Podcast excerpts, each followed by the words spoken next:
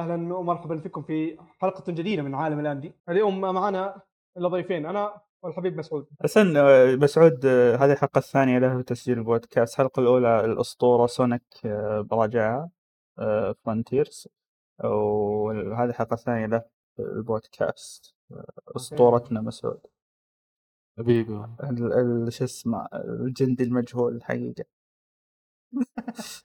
الجندي يا. الجندي الم- المنسي أكثر لا والله مو منسي مجهول اللي ما نعرف كيف نوظفه بالطريقة الصحيحة بس إنه الحمد لله أمورك تمام.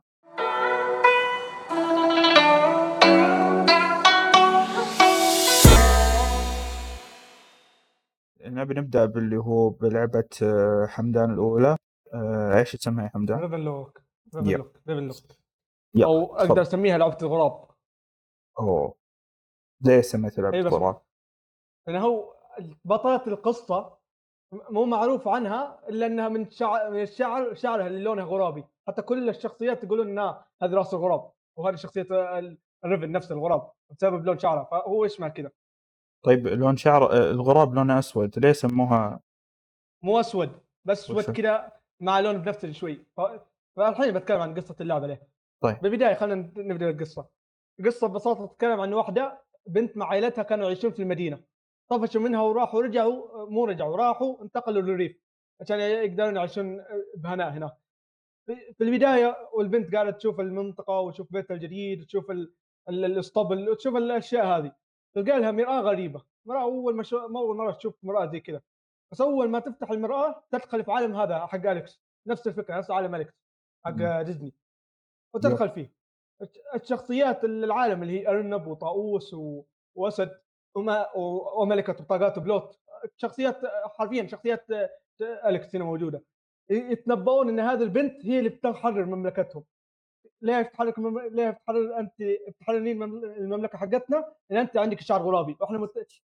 وإحنا متنبئين إن في واحد بيكون كذا على شكل غراب أو يكون شعره بلون غرابي بيجي ينقذنا. فأنت بنت النبوة.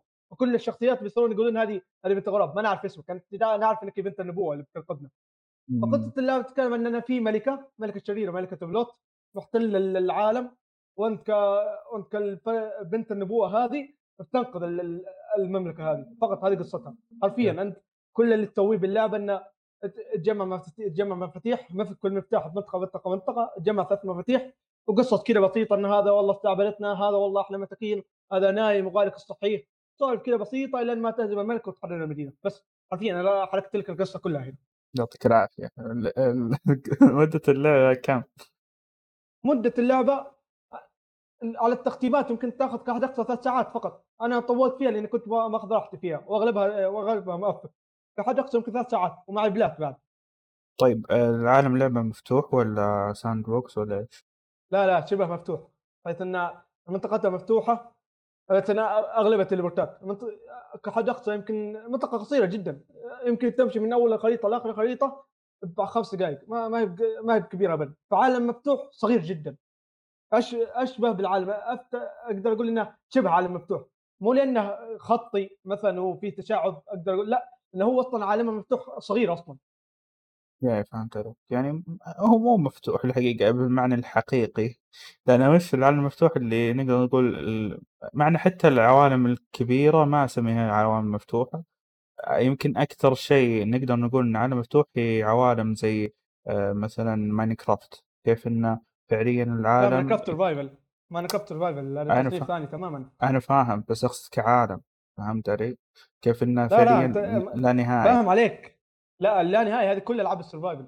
الألعاب اللي أقصد فاهم عليك؟ الع- العاب العالم المفتوح أقدر أقول مثلا ان Red Dead عالم مفتوح ولا اللي هي عالم مفتوح لأن عالمها كبير. أما تتكلم عن ألعاب Minecraft Conan Conan Exiles Ark هذه كلها عوالمها لا نهائية. إن هي أصلا لعبة survival فما ينفع المقارنة. هو لا أنا أقول هذا المعنى الحقيقي للألعاب المفتوح ما له علاقة في ال survival ما ال survival فهمت؟ لا والله لا علاقة لأن يا أخي هل مثلا مثلا مثلا مثلا Hollow Knight هل تعتبرها عالم مفتوح؟ آه لا ليه؟ عالم كبير بس هو مفتوح ليه؟ بالمفهوم ال- الحقيقي مفهوم العالم مفهوم العالم المفتوح شوف أنا شوف أنا آه، أنا إيه. أنا معلش أنا لي فلسفتي في العالم المفتوح فهمت؟ هو أنا أنا فاهم فلسفتك أنا فاهمها كامل بس. أنا كتصحيح بس إن العالم مو أي لعبة ح- عالمها كبير تعتبر عالم مفتوح. يعني مثلا. عندك ألعاب كثير متى تصير عالم مفتوح لما يكون لك الحرية إنك تسوي اللي تبيه. أما إنك مثلا تلعب لعبة يقول لك روح هنا امشي هنا ضبط هنا روح يمين هذه مو بعالم مفتوح هذه خطية بعالم مفتوح. بس ما هي بق- عالم مفتوح إنه يكون مفتوح بشكل كامل تسوي اللي تبيه فيه.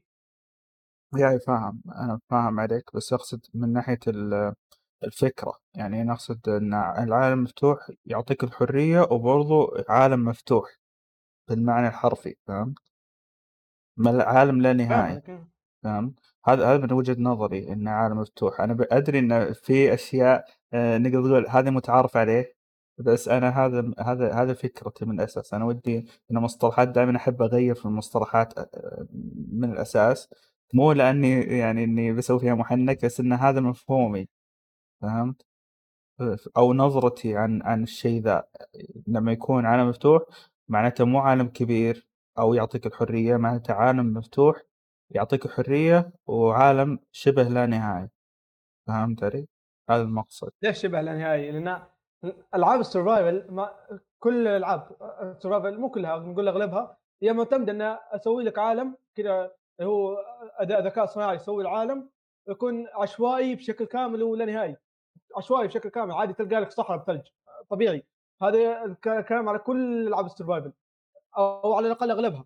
أما مثلا كل ألعاب مثلا زي ما قلت لك Red Dead زي مثلا Hollow Knight زي Zelda اللي ما تقدر تقول والله عالم مغلق لأن انت شايف حجمها.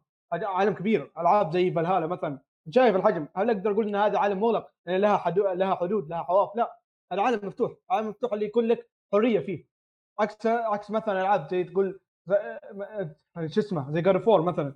اللعبة خطية بس فيها ها جوانب مفتوح. عالمها كبير إيه. بس هل هو لك يعطيك الحرية فيه؟ لا. خلاص هي اللعبة خطية. معناته الألعاب- إيه؟ معناته مو عالم مفتوح. إيه. ع... آه، شو اسمه عوالم خطية وع... وعالم آه، لها في لها حرية، هذا الحقيقة. ألعاب ال survival ما إيه. لها هدف. حرفيا أنت أنت بتلعب اللعبة أنت هدفك إنك تعيش وتبني مستعمرتك. هذه كل العاب ال survival ماشي عليها. ما ما في على عكس العاب التختيم الثانية اللي أنت بتمشي بهدف في قصة لازم تمشي عليها. ألعاب ال survival ما قصة ما في سوالف ما في شيء. تسوي اللي تبيه ويعيش ومو مجبر تسوي شيء غير إنك تعيش. فما ينفع تقارن لعبة هدفها أساسا إنك تعيش باللعبة هدفها إنك تختم اللعبة. يا فهمت وجهة نظرك بس أنا مو صراحة وجهة نظري ما هو مشكلة. عموما كمل. ع- عالم اللعبة.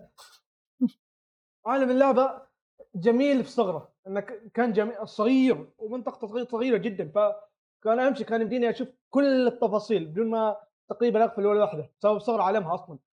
وكان على الرغم من ت- التقديمات القصيره اللي كنت مستمتع في العالم والتفاصيل اللي كنت أقدر أركز عليها. على عكس لما تحط لي عالم كبير ما أقدر أشوف لكم تفاصيل هنا لا تقدر تقول عالم صغير تفاصيل مكثفة. وعجبني هذا الشيء بالعالم. من الأشياء فني. أيضا. اللي التوجه الفني هذا كنت بقول لك إياه. أيوه. من الحاجات اللي عجبتني بعد من اللعبة اللي هو التوجه الت- الفني. طبعا أنا ما قعدت بالعالم وتأملت في تفاصيلها إن التوجه الفني كان جميل فعلا.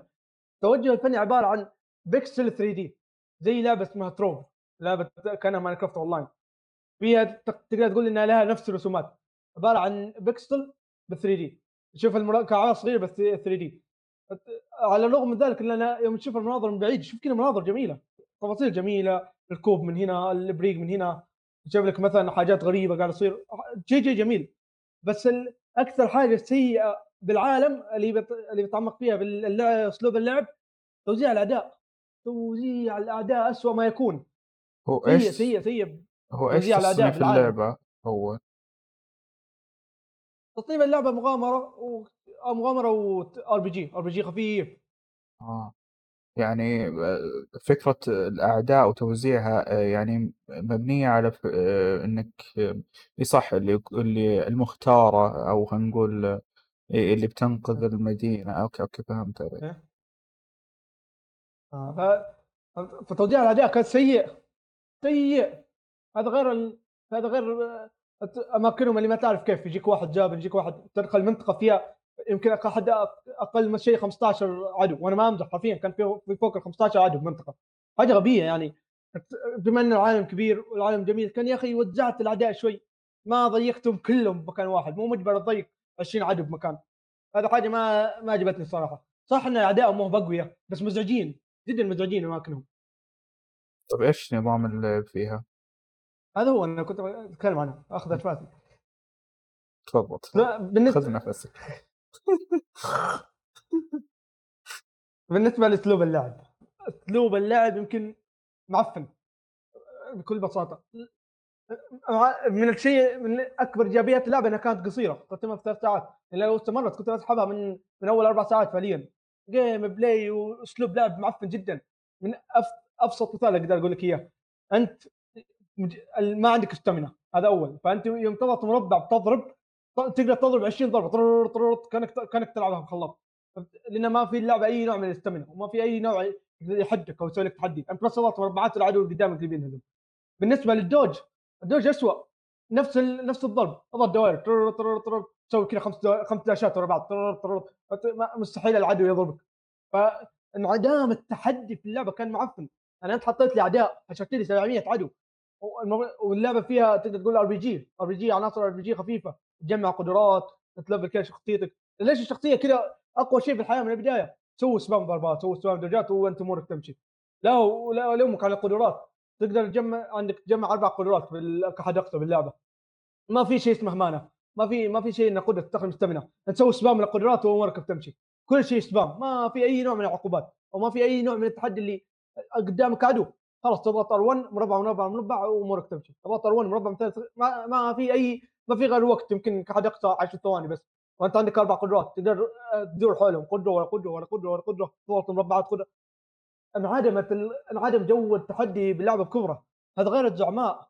الزعماء يا رجل اللي اكون صريح صح إن بعضهم فيه فكرة حلوة بعضهم يمكن تكون القتال سيء كان الكاميرا الكاميرا جاية خلف ال... على ظهر الشخصية اللي هو. منظور الشخص الثالث. السيء بالموضوع إذا إن ما في تحديد كاميرا على العدو. فإذا لا- فإذا العدو البوس هذا صار وراي ما أقدر أشوفه ما أقدر ألف ورا ظهري ولا حتى أقدر ألف الكاميرا ألف يمين. الكاميرا كذا موجهة على قدام بس لا أقدر ألف يمين ولا أقدر ألف الكاميرا يسار فلو العدو جاء مثلا وراي ما تشوفه يمكن يجيك يضربك يمكن قاعد يلقى صورة أنت ما يمديك تشوفه. وخلف الشخصية ما يشوف. فإذا ببي أشوفه لازم أرجع ورا اول الحلبة أرجع ورا أرجع أرجع عشان أقدر أخليه قدامي عشان أشوف. ما أدري الشخصية اللي رقبتها مكسورة اللي ما تلف زي الناس. طيب آه، حسب اللي فهمته منك إنها كأنها لعبة آه، شوتر. ما هي لعبة يعني إن بتستخدم الأس اللي هو خلينا نقول مسدسات ورشاشات. ما في مسدسات ما في مسدسات كله سيف. أجل ليه تقول طر طر طردت من من قوة ال spam طر طر طر تضرب مربعات مربعات سيف سيف سيف سيف. ما يخلص ما في سوي لي- كانك مهكر اللعبة. أوكي أوكي نفس يعني الشيء مع ال dodge. نفس إيه. الشيء مع ال dodge اضغط دوائر ورا بعض ورا بعض طر طر ولا واتحداه يلمس ما في stamina حتى. آه فهمت. بس انه يعني وصفك غريب عشان كذا قلت أسأل. يعني من من صورة اللعبة تشوف إنه معاها سيف كيف أدري هذا استغربت؟ أنا من شرحك. قلت إيش دخل؟ المسدسات طر طر خلاط. صار Fortnite ذي. ولا Call of Duty قلت لازم أسألك السؤال الغريب يعني. يعني أقول لك أقول لك واحدة رايحة المملكة زي أليس. كيف رايحة المملكة زي أليس ومعاها AK؟ دائما يا فاهم بس أنا مستغرب برضو يعني. قلت قلت ما دام في طر طرط معناته في مسدسات وخلاطات هو قلت تعليل والله جد يعني. طيب آه، بخصوص ال- ال- المؤثرات الصوتية والموسيقى. ما كان في كثير. لعبه قصيرة. الموسيقى ما اهتميت فيها لأني ما إيه. أسمع موسيقى ابدا. مم. بس بالنسبة للمؤثرات الصوتية ما ما في شيء. بس صوت وحش يقدر صارخ عليك وطو- صوت الضي- السيف وانت قاعد تسوي سبام فيه وخلاص بس ما في سوالف كثير حتى حتى ما أتذكر كان فيها تمثيل حوار صوتي ولا لا. لأن لو كان فيها واضح انه معفن لدرجه نسيته. طيب هل واجهت مشاكل تقنية في اللعبة ولا لا؟ هذه من مميزات اللعبة. إن طول اللعبة من بداية اللعبة ما جاني أي جلتش يمكن هذا سبب ان اللعبه قصيرة ما يمديك أصلا تلاحق إنك تشوف جلتشات أصلا. بس ادائها التقني جدا ممتاز فريماتها ثابتة ال- ال- الاعداء ما فجأة يدخلك تحت الأرض ويستغبي. ادائها التقني جدا ممتاز.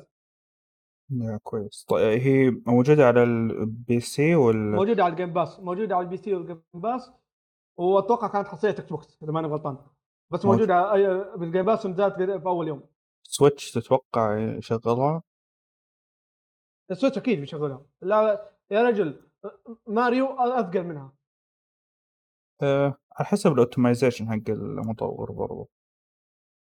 اي بعد- إذا- يمكن يمكن أتوقع بس- ترى على ال Switch أتوقع.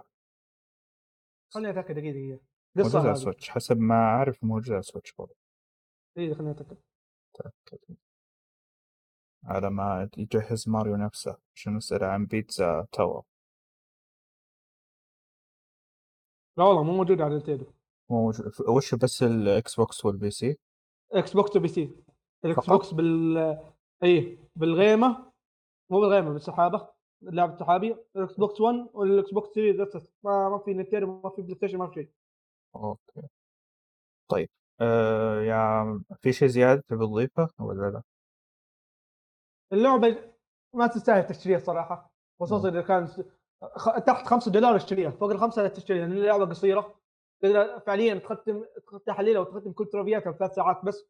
هذا غير إنه ما في ما في شيء يمكن تقول إنه هي علاقة بالذاكرة من أو شيء تميز فيها اللعبة. لعبة حق التختيمة واحدة تمشي ما, ما ترجع لها بالمرة. فاذا تبي تشتريها لا تشتريها تلعبها جيم باس إذا عندك. تبي مرة تشتريها في تحت 5 دولار. فوق كذا ما تستاهل سعر اغلى من كذا. طيب ماريو ال Pizza Tower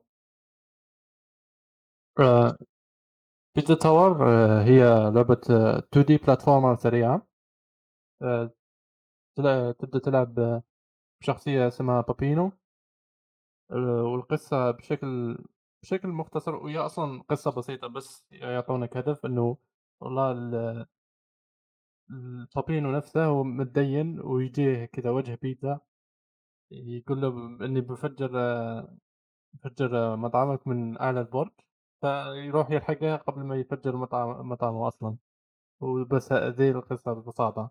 مم. أول ما يدخل البرج البرج مقسم لخمس طوابق وكل طابق أظن فيه خمس مراحل وبوس. أنت في كل مرحلة لازم تجمع خمس مكونات. وفي أشياء سرية برضو إذا تبغى تروح لها عشان rank أعلى.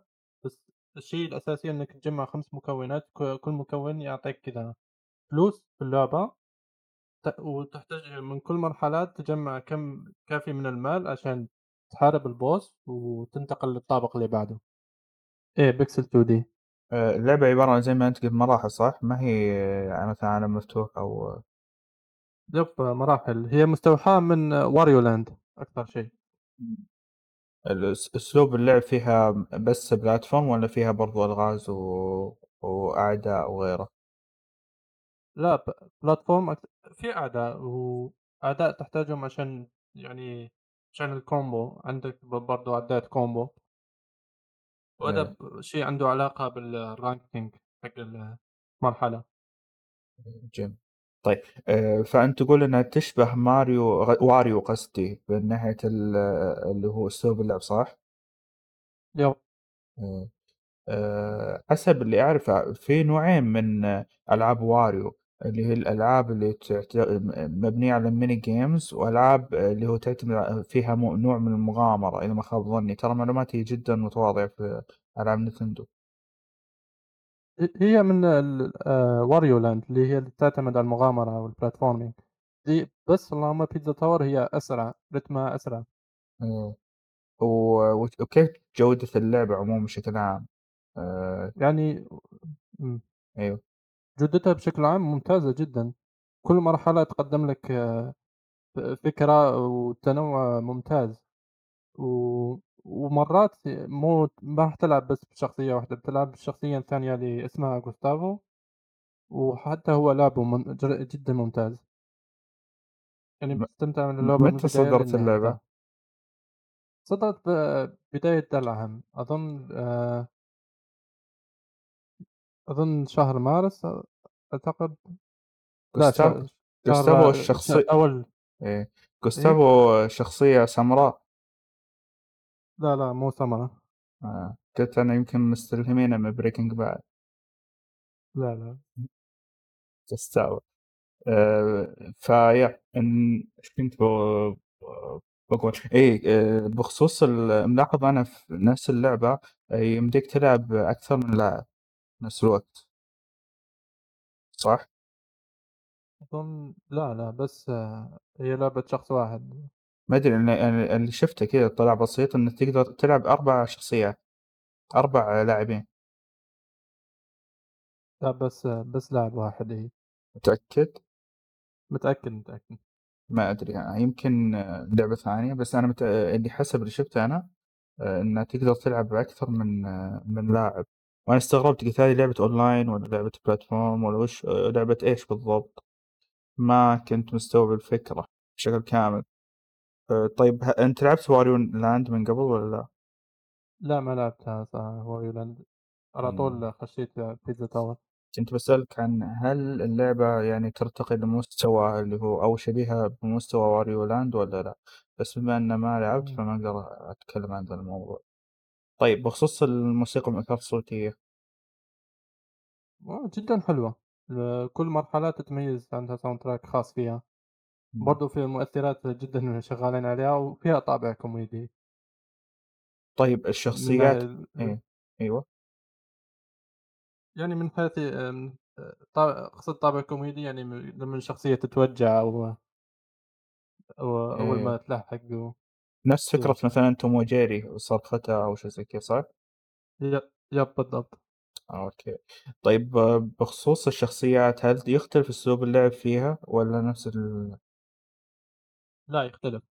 آآ شخصية جوستافو أنت كذا تلعب فار، آه. سرعته شوي أقل بس يمديك ترميه لقدام، يمديك ترميه لفوق. آآ له آآ له ground pound أول ما تسوي double jump يعني فيه اختلاف. مراحله يعني مراحله هو جزء من مراحل بابينو تلقاه. طيب اللعبة كم تقريبًا مدتها؟ أظن من 8 ساعات ل10. كويس والله. بس إذا بس إذا تبغى تروح اللي هو 100% فتطوّل كثير، إلى 40 ساعة. أوه! معناته محتواها جدًا ممتاز، والّا؟ إيه، مراحل فيها كثير أشياء تجمّعها من غير ال5 المكونات الأساسية اللي تحتاج تجمّعهم عشان تتقدم في اللعبة، في 3 أسرار وفي برضه شيء مميز باللعبة نفسه كأنه كيف يقولونه، كأنه trophy تجمّعه في المرحلة. آه okay، نفس برضه يعني تسوي إيه. تسوي تحدي معين ويجيب لك ال trophy. إيه نفس إيه. تقريبًا فكرة Crash مثلًا مع الألماسة ال اللي هو ال الوردية والألماسة ال اللي هو الزرقا وكذا صح؟ أو. الفضية وكذا.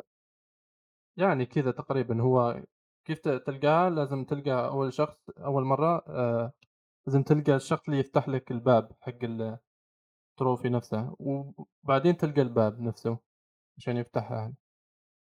إمم، يعني تلعب اللعبة مرح آآ مرتين تقريبًا أو المرحلة مرتين. هي كمان مرة لأنه مثلًا عشان تجيب أعلى ل rank باللعبة اللي هو تحتاجه عشان يعني تجيب achievement اللي هو الP rank لازم تسوي كل هالأشياء، وبرضه تسوي كأنه لفة ثانية. اللعبة فيها كذا لفة أولى ولفة ثانية. أول هو مرحلة خطية، أيوه. أول ما توصل للنهاية لازم ترجع للبداية، ف فاهمني كيف؟ إيه،. فأول ما توصل للبداية لا تخرج من الباب ت تاخذ حلقة بيتزا تخلّيك ت تسوي لفة ثانية على الماب. آه okay، nice والله. عندك وقت عندك وقت محدد يعني ك كذا دقيقتين ويبدأ يلحقك اللي هو وجه البيتزا، وإذا أول ما ييجي يلمسك ب ت ت تنتهي المرحلة وبتعيد. تسوي. يعني تنصح يعني الش دقيقة دقيقة أيوه. يعني الحين أ أنت في بداية المرحلة أنت لح تلاحق وجه البيتزا، لمّا تسوي اللفة يصير العكس هو اللي يلاحقك صح؟ يعني هي بس ال هو أيوه. بس عشان القصة ي يلحقه، بعدين هو يكون أعلى البرج تقاتله آخر آخر شيء، هو بس كذا في المرحلة ولمن يخلص الوقت يجيك. والله مثيرة أنا والله يعني حمسني إني أجربها تصدق؟ لأنها والله ذكّرتني بلعبة جوال قديمة كان اسمها Vector، كانت لها تقريبًا نفس الفكرة، واحد يلحقك وأنت تنحاش. آه، صراحة ما أعرف هذه اللعبة بس okay. طيب في شيء تبي تضيفه على كلامك بخصوص اللعبة والّا؟ أقدر أقول إنه اللعبة اللعبة مو متوفرة في كل المنصات بس ال PC وقا والمطور أظن قال إنه يمكن تتوفر في ال Nintendo Switch في قادم الأيام. okay يعني ما هي إمم. نقول يعني الحين ما. توفر توقعت انه متوفر على ال Switch لا بس PC حاليًا، وأظن سعرها 20$ صراحة أشوفها تستاهل سعرها خصوصًا لو تروح ل100% لو إنه 100% شوي شوي صعبة، تحتاج وقت وتحتاج مراحل تعيدها كم من مرة لأنها تعتمد على الحفظ بشكل كبير، إنك تحفظ المرحلة والأماكن اللي لازم تزورها. طيب آه، إيش كنت بقول؟ أه... لعبت أنت بال control ولا بال keyboard والماوس؟ آآ بال controller كيف التحكم؟ صراحة ي والله ممتاز ما عانيت بأي مشكلة مع يعني المعتاد اللي بالكنترولر. جودته ممتازة يعني yep okay، بالضبط. آه، تستخدم ال- اللي هو ال analog ولا ال D-pad في التحرك الشخصية؟ كنت أستخدم ال analog طيب مدعومة ال D-pad ولا لا؟ مد مدعوم. هو أصلًا كويس ال D-pad أحسن، بس عشان ال D-pad عندي شوي تعبان فأستعمل ال analog. yeah yeah أنا عن نفسي الألعاب ال 2D بدون ال D-pad أشوفها آه، نقطة نقطة سلبية حقيقة بالنسبة للألعاب yep في فاهمك. كثير منها يطبق ي- اللي هو يستخدم analog في الألعاب. وأنا ما أدري كيف يعني لعبة 2D D-pad على طول. ما ليه analog تحس ما ما تعرف كيف تتح- التحكم يكون معطوب يعني حتى أنت ما تعرف هو مثلا ما في اللي هو يمين فوق يسار تحت مدري إيش ما في السوالف ذي يا يمين يا يسار يا فوق يا تحت. فأنا أنقهر من ذا يب الموضوع. يب بالضبط. أنا صراحة ودي كان ألعب بالديباد بس زي ما يا قُلت لك. يا يا ما في مشكلة طيب أم... أه يا حمدان لعبة ال- ال- ال- الحلقة أقول لكم معلومة السريع ترى كنت بسويها تحت المتجر بس هذا عنصري أه، بحر النجوم اللي هي Sea of Stars صح؟ إيه okay. بس الأفضل الاسم العربي حقها. أفخم شوي. أه، فاهم. أنا أعرف بس عشان يعني الشباب يعرفون اللعبة فاهم؟ أنت حطها بال thumbnail يعني. هي حاجة زيادة. صح والله صدق يا أخي، أنا آسف. بس لا المستمعين. آه okay. سامعين ها في لعبة غيرها اسمها بحر النجوم. لا بس أقصد إنه يعني ي- ي- ما في غير بحر القراصنة. بحر القراصنة بس هذه الموجودة. okay Sea of Thieves وبالاصح بحر الحراميه إيه حرامية عموما أيوه. وبالبدايه اللعبة موجودة بتص... موجودة على جميع المنصات بت... بتصنيف RPG ياباني تعاقب أدوار آه، إيش بعد وقصه حوارات بحتة. ما تحب حوارات تطلع من اللعبة. okay. وتعرف مع إنجليزي بشكل بحت فاللي انجليزيته مو لا مرة. يلعب اللعبة صح؟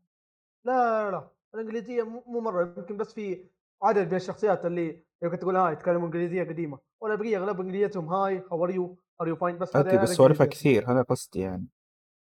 لعبة حوارات سوالفها كثير مو لازم إنجليزية عملاقة بس فهمك المتوسط يخليك تفهم القصة كلها. بس اللي إنجليزيته ضعيفة ما هو مستعد إنه يقرأ لأنه ما راح يقدر يترجم كل هالحوارات فيبتعد عنها لا لا لا مو؟ الانجليزيه ضعيفة إي طبيعي. أقصد. ضعيفة ما يفهم إي طبيعي بس اللي إنجليزيته كو- كويسة يعني عادي. اللي ما يبي يقرأ حوارات هذا ما يحب التصنيف أصلا. مو شرط. تقصد اللي يعرف إنجليزي يعني؟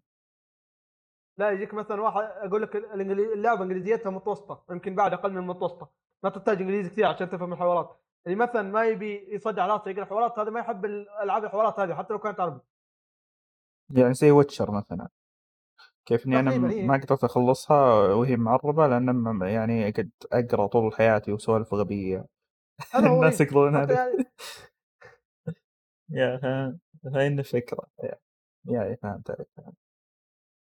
اللعبة يمكن هي يمكن من الألعاب النادرة النادرة النادرة جدا اللي نزلت بالخدمتين في الوقت نفسه اللي هي خدمة ال Xbox Game Pass وخدمة ال PlayStation آه، Plus النسخة الفاخرة هذه يمكن. اللعبة الوحيدة اللي نزلت فيهم اثنينهم بأول يوم ولا شيء غريب هو يمكن ما شفت إلا ما أتوقع في لعبة أصلا سوتها قبلها أه، أتوقع ما أدري والله ناس بس لعبة اندي يب ما أتوقع. كان هي ال- اللعبة الوحيدة الان دي على على معرفتي إن نزلت الخدمتين في الوقت نفسه.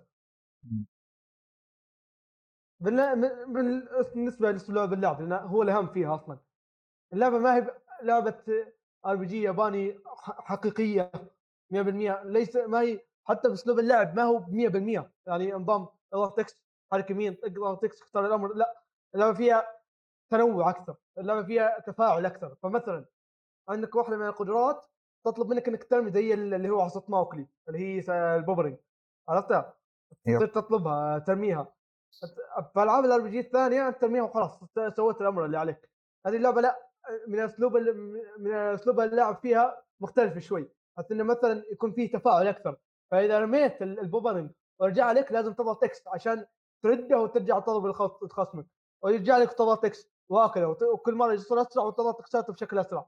فيصير الوضع في في تفاعل أكثر باللعب مثلا في واحدة من القدرات الثانية تطلب منك انه تضغط الزر بالوقت المناسب. يعني مثلا يضرب ضربة ويوم أول ما يسوي animation معين بالضربة تضغط بالوقت المناسب ويكمل لك الضربة سواء بالمهارات أو بالقدرات الع... بالحركات العادية.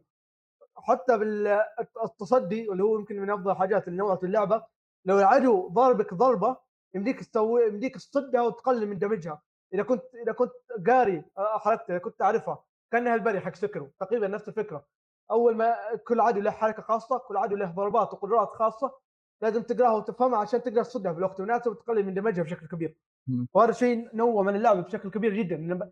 أنا أواجه عدو بس بدل ما يكون مجرد إن ألعاب ال RPG الثانية انه والله هذا عدو و damage ه هوائي ولا damage ه ناري ولا damage ه مائي ولازم تحط دفاع معين لا. انه هو له حركات خاصة. أنت لازم تعرف حركاته وتقاتل معه أكثر من مرة عشان تقدر تصد حركاته في الوقت نفسه في الوقت المناسب.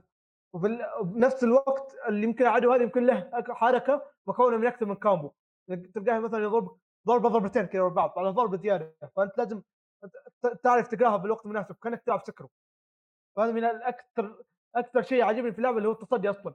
مو لأنه مميز بس لأنك أعطى نوع أعطى نوع جديد من اللعب أعطى أسلوب جديد من اللعبة غير مذاق اللعبة بدل ما إنه يضربني ضربه فقط وخلاص أبلع 100 دمج وخلاص لا أقدر أصد ضرباته وأقلل من دمجه. وبما إن أعداء اللعبة كثار كثار وعالم اللعبة كبير فنوع من الأعداء فنوع من الضربات. فكنت كل ما كل ما أشوف عدو كنت لازم أخليه يضرب لي أبي أشوف حركاته كيف حتى إني ما الزمه إلا بعد ما أعرف حركته وكيف أضرب فيها. فالتصدي هذا الحالة كان محل اللعبة حرفيا. طيب غير القدرات ال... هل في ضربات ما. ما ما تقدر تصدها؟ لا كل الضربات يمديك تصدها بس تفرق بين صعوبتها. في ضربات صعب إنك تصدها في ضربات لا تقدر تشوفها على طول لكن كل الضربات قابله للتصدي حتى بس طبعا التصدي ما هو ما هو التصدي ما هو بري. ما قلت لك إنك دمج هو بس ما قلت لك يعني يصفر الدمج هو ينقصه بس. لو يضربك 100 يصير دمجه 50 بس. هو كذا آه كذا يقلل الضرب تقدر تقول.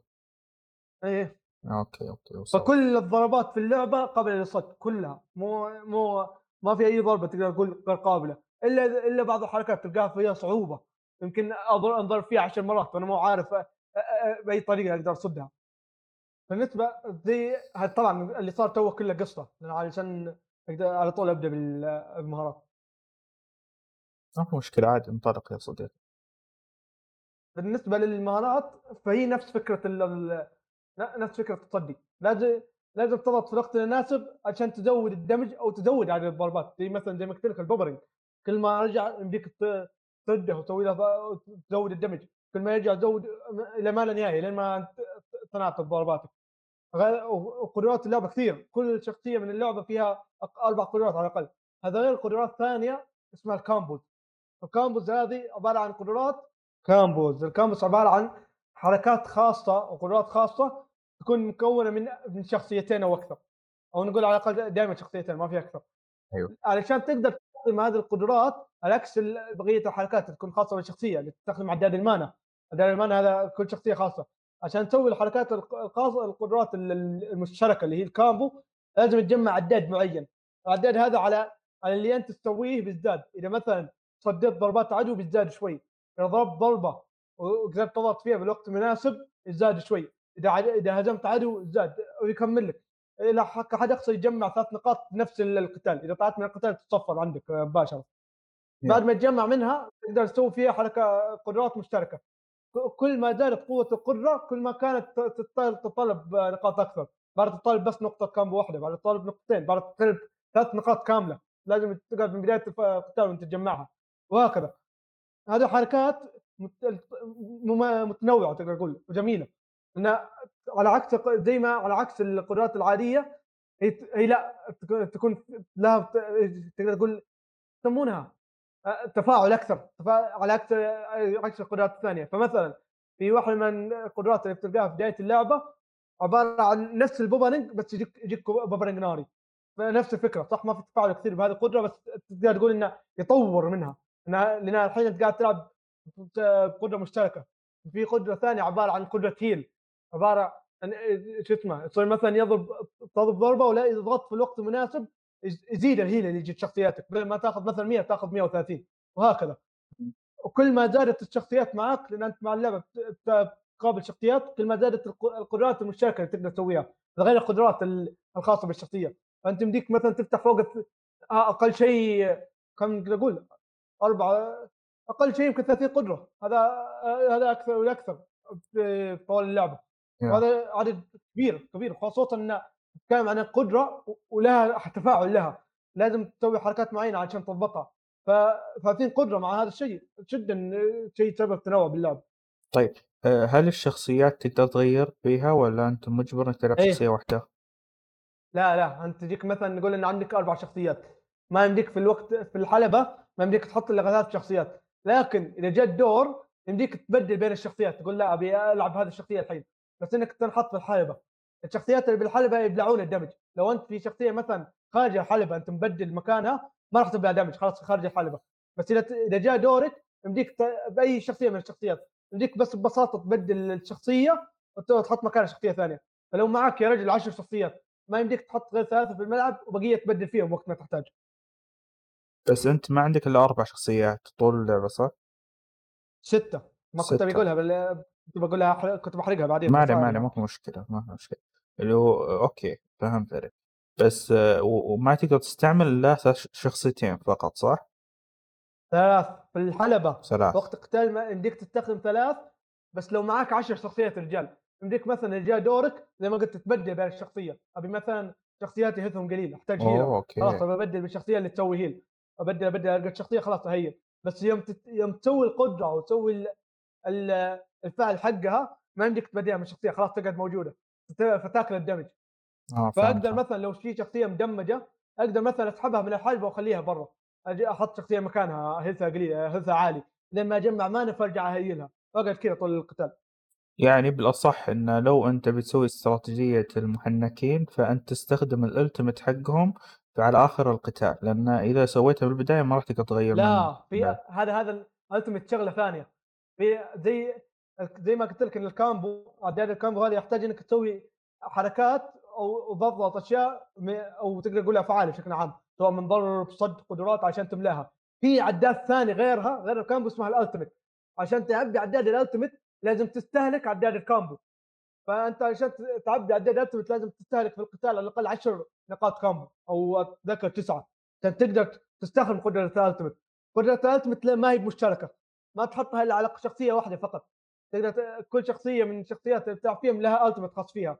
وال ultimate يكون جبار يكون يسبب damage عالي.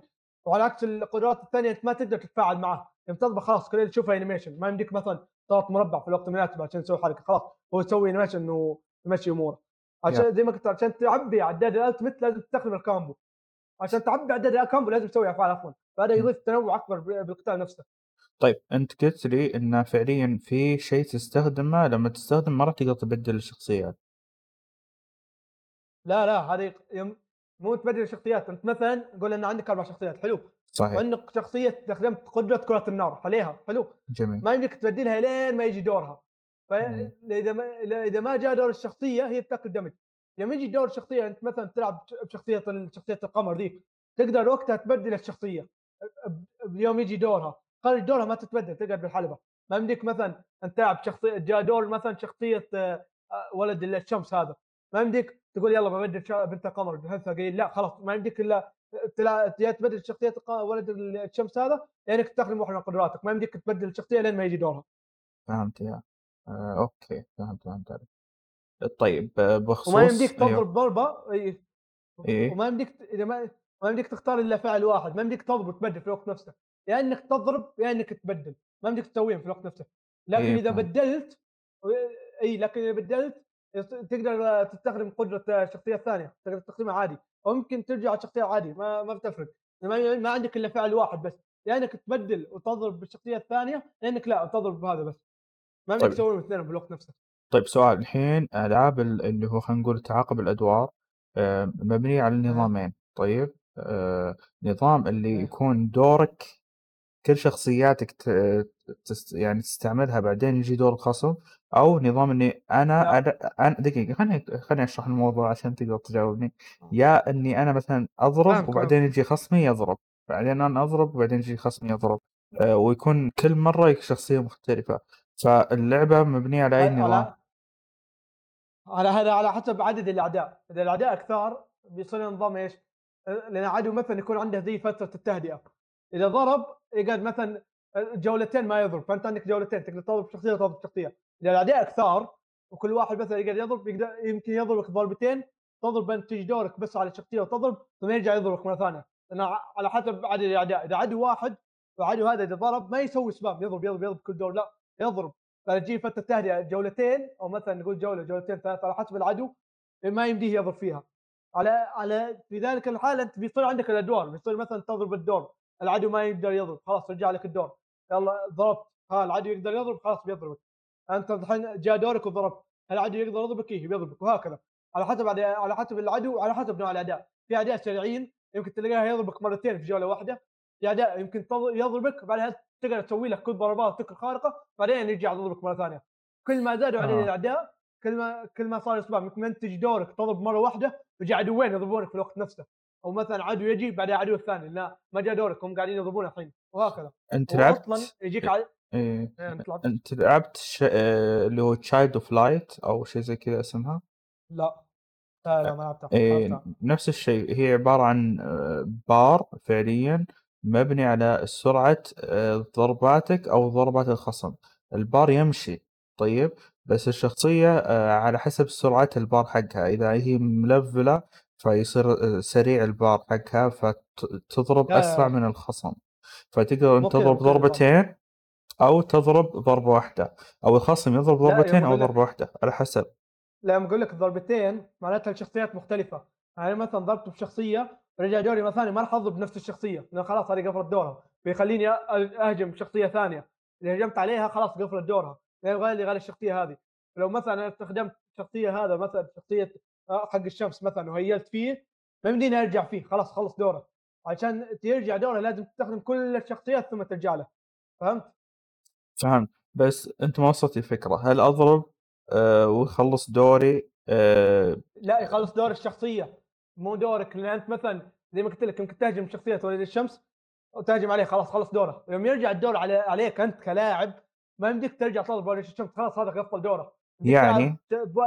تلعب ب- بواحده من الشخصيتين المتبقيتين عندك يعني مثلا بشخصية إيه. ثانية اي أيوه أيوه فهمت عليك الحين يوم يوم العدو يهجم ويرجع عليك ما ما يمديك لا تهجم لا بالشخصية الأولى ولا الثانية ما يبغى لك الشخصية الثالثة هذه خلاص هذول قفلت أدوارهم لأنك طيب. تضرب بهذه وبعد ما تضرب بهذه خلاص ترجع الادوار هكذا وتستمر يا يا الجاي. فهم فهمت يعني باختصار فكرة الأدوار هي عبارة عن أنت اضرب وأنا أضرب أنت تضرب وأنا أضرب ك- بشخصيات مختلفة بعدين ينتهي الدور ويتجدد الموضوع من جديد صح؟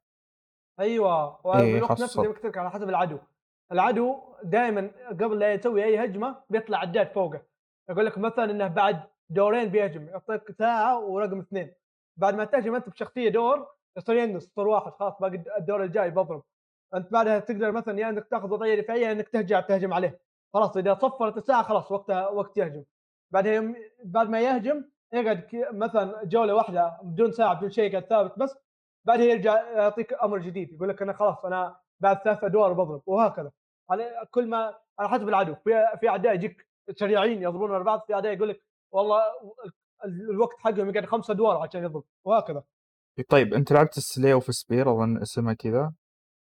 تصوير هذه إيه. بطاقات إيه. لا هذا نظام غير غير. مختلف مختلف ما ما هو لأن نفس الشيء هو العدو يقول لك ترى أنا بضرب بس مو الحين بعد يمكن دورتين. طيب. آه إيه قصدك إيه يقول لك إيه إيه يعلمك نفس الشيء تقريبا؟ نفس الشيء لأن يجيك مثلا عدو فوق زي ما قلت ساعة. يقول لك أنا بعد 20 جو- دورة بضرب. و... إيه okay. ما ما ما يمديك تعرف إيش الضربة اللي بيسويها بس هو يقول لك أنا بضرب. يا ماذا إيش الضربة اللي بيسويها ما أدري. يعني نفس الفكرة تقريبا. إيه. طيب آه، وش تبي تزيد على ال gameplay؟ يمكن أقول ال- الأغراض ال- الأشياء اللي تقدر تسويها. في items ات تقدر تستخدمهم وقت القتال واغلبهم يكونون حق heal أو حق زيادة mana. هذه علشان تجيبها لازم تجمع تطبخها فعليا تجمع مكونات من العالم وتروح تطبخها. أنا تمنيت إنه يكون في الطبخ شوية تفاعل أكثر. والله بالسكين كذا قطع وحطه بالقدر يكون في شوية لعب شوية اسلوب باللعب هناك. بس ما بس لا انت بس تعلق على ال X ويطبخ لك الحاله صراحة كانت فرصة ضائعه على كثر الوصفات اللي تقدر تسويها لو. لو يقدرون يسوون تنوع فيها كثير كان يكون تقدر تقول زي الاستراحة بدل ما ألعب كذا أقدر أريح كذا أبدأ أطبخ طبخات أجهز للقتال اطبخ كذا أخذ راحتي بس لا للأسف ما كان الوضع على على ما هو مزاجي يعني قصدك يكون فيه زي ال mini game حق الطبخ زي ال mini game أيوه يا- يكون كذا في يعني والله أقدر مثلا نضغط مربعات ورا بعض عشان تقطع بعدها أعلق على المربع علشان تدفه للقدر يعني تلعب Cooking Mama أنت. ولا إيش بالضبط؟ والله والله في ألعاب اسويها عاد. أنا تمنيت انه يكون في كذا شوية تفاعل بس لا نظام صناعة ال items ات في اللعبة علق على X وامشي. وصراحة ال items ات في منتصف القتال بديتها ضعيفة ضعيفة ضعيفة ضعيفة جدا. لأن ال- ال heal ال heal حق الشخصيات أصلا كثير. يعني أنت من بداية اللعبة من بداية اللعبة يكون عندك ثلاث شخصيات اثنين منهم يقدروا heal وا. و heal هم محترم ما يحتاج حتى تستخدم items ات عشان ت heal. فأنا طول اللعبة على- كثر ال items ات اللي سويتها ما استخدمت إلا يمكن طول اللعبه يمكن ما استخدمت غير 20 item فقط. من بدايه يمكن وهذا 50 60 50 60 ساعة وأنا العب جميل. فما طيب. كان في وجود في ال- شو اسمه بال items ات. طيب. في نقطة بعد الأسلوب باقي ما خلصت من الأسلوب أنا. okay من أهم شيء أهم شيء في أسلوبه في بما إنها لعبة RPG يابانية فلازم يكون في RPG لازم يكون في تلفيل لازم يكون في items ات. وهذا هذا هو نظام اللعبة حاليا. اللعبة نظام تلفيلها كل ما هجمت اعداء راح تاخذ نقاط خبرة. وإذا وصلت على نقاط خبرة معينة تتلفل الشخصية تتلفل كل خصائصها health damage مقاومه سحر مقاومة سحر مقاومة آه، ضرر جسدي كلها. لكن يعطيك من الحاجات ال... يعطيك دائما خيار إنه مثلا تلفلت الشخصية زاد مستواها. والله زود لك ال damage وال health وال mana وهذه. بعدين يعطيك خيار. أنت إيش تبي تلفل؟ إيش تبي تزود الحين؟ يعطيك أربع خيارات. مثلا تقول يعطيك يا heal يا mana يا damage يا سحر. مثلا مثلا يعطيك كذا. أو يقول لك مثلا مقاومة سحر damage مقاومة آه، ضرر جسدي mana هذا غير الخصائص اللي يزودها لك. يعطيك مثلا خيار إنك تستهدف يعني لو مثلا هذه الشخصية أبيها تكون سحر سحر 100% أصير مثلا كل ما جاء level أختار هم بيزود لي خصائصها كلها بس يقول لي انه في تقدر تختار خاصية تزودها زيادة. فاقول مثلا أبي هذا أزود سحر الحين. الشخصية اللي بعدها يجي لونها مع التلفيل يزود لك كل خصائصها. تقول أي خاصية أنت تبي تلفل بالضبط والله ابي ألفلها heal وهكذا. هذا هذا بالنسبة لنظام التلفيل تمنيت يكون في تنوع أكثر أو تقدر تقول زي لعبة شير ديكرز نظام التلفيل كان فيها عميق وأكثر متعة من كذا تمنيت إنه يكون فيها نفس الفكرة بس أما نظام تزود خصائص خلاص ما عجبني الصراحة. صح ان القدرات تجيبها مع التختيم تجيبها مع اللعب بس يعني تمنيت في زياده شوي بالتعمق التلفيل بدل ما أقول والله أزود هيلث وأزود دمج وخلاص أموري تمشي. بالنسبة للأيتمات يمديك تركب ايتم ايتم واحد اللي هو السلاح وكل شخصية باللعبة لها سلاح خاص فيها. فلو مثلا جبت سكينة تعرف هذه السكينة خاصة بالشخصية هذه. ما في ما في شخصيات تستخدم نفس ال... نفس السلاح عشان تخير هذا يمكن أقول إنها إيجابية إنها تخفف نوع ال RP بدل ما أقول مثلا كل الشخصيات تستخدم سيف وأقول لا هذه الشخصية اللي تستاهل السيف القوي هذه الشخصية تستاهل السيف الضعيف. لا كل واحد له سلاح الخاص. هذا غير الدروع. الد- الدروع نفس الشيء. كل شخصية لها درع خاص إلا بعض الشخصيات. يعني مثلا في شخصيتين اشتركوا نوع الدروع. فثاني شخصية لا لها دروع خاص فيها. وهكذا. والأمور تمشي. يمكن في يمكن أربع أنواع دروع. درع النوعين شخصية درع النوعين شخصية ودرع الشخصيه ودرع الشخصيه أربع أنواع دروع فقط. هذا وست أنواع اسلحه لكل شخصية موجودة باللعبة. وفي بعد اللي هو الخواتم. في نوعين من الخواتم. في الخواتم القوية الخواتم العادية الخواتم المميزة. الخواتم العادية تكون باللون الفضي بحيث إنها تكون مجرد زيادة خصائص. يعني والله هذا هذا الخاتم بيزود صحتك هذا الخاتم بيزود قوة صحتك هذا الخاتم مثلا بيزود ال- المان اللي عندك وهكذا. تكون خواتم بقدرات ضعيفة قدرات عادية. يمديك تركب منها قطع خاتمين لكل شخصية. وفي الخواتم المميزة اللي تكون خواتم ذهبية. وما يمديك تركب منها إلا نوع واحد لكل شخصية. ما يمديك تركب نفس الخاتم الذهبي مرتين أو تجيبه مثلا نسختين تحطهم نفس الشيء لشخصيتين لا. ما يمديك تحطها إلا مرة واحدة بس. هذه الخواتم تكون قدرات مميزة. فمثلا عندك في خاتم مثلا اسمها عين ريوما كذا اسمه. يخليك تشوف نقاط ضعف اعدائك إيش نقاط ضعفهم؟ في خاتم ثاني تركبه على شخصية يقول لك يوريك هيلث اعدائك في في خواتم مميزة ذهبية تكون خاصة بشخصية معينة. يعني مثلا في خاتم يقول لك هذا مخصص لشخصية بنت القمر هذه. إنه والله تنقص. تنقص اللي هو المال اللي تحتاجها عشان تفعل القدرة وتزود الضرر حق القدره المعينه. في شخصيه ثانية تقول تزود المثل حق ولد الشمس والله تزود الضرر حق القدره المعينه هذه. فالخواتم الذهبيه تنقسم لنوعين. انواع عامه زي مثلا خاتم يوريك هيلث الاعداء خاتم يوريك نقاط ضعف الاعداء خاتم آه شو اسمه يقوي يخليك اذا سويت تصدي يزود المانع حقتك. هذه خواتم عامه. وفي خواتم ذهبيه خاصه للاعداء مخصصة مو إيش للاعداء خاصه لشخصيات معينة. في مثلا خاتم خاص بشخصية خ...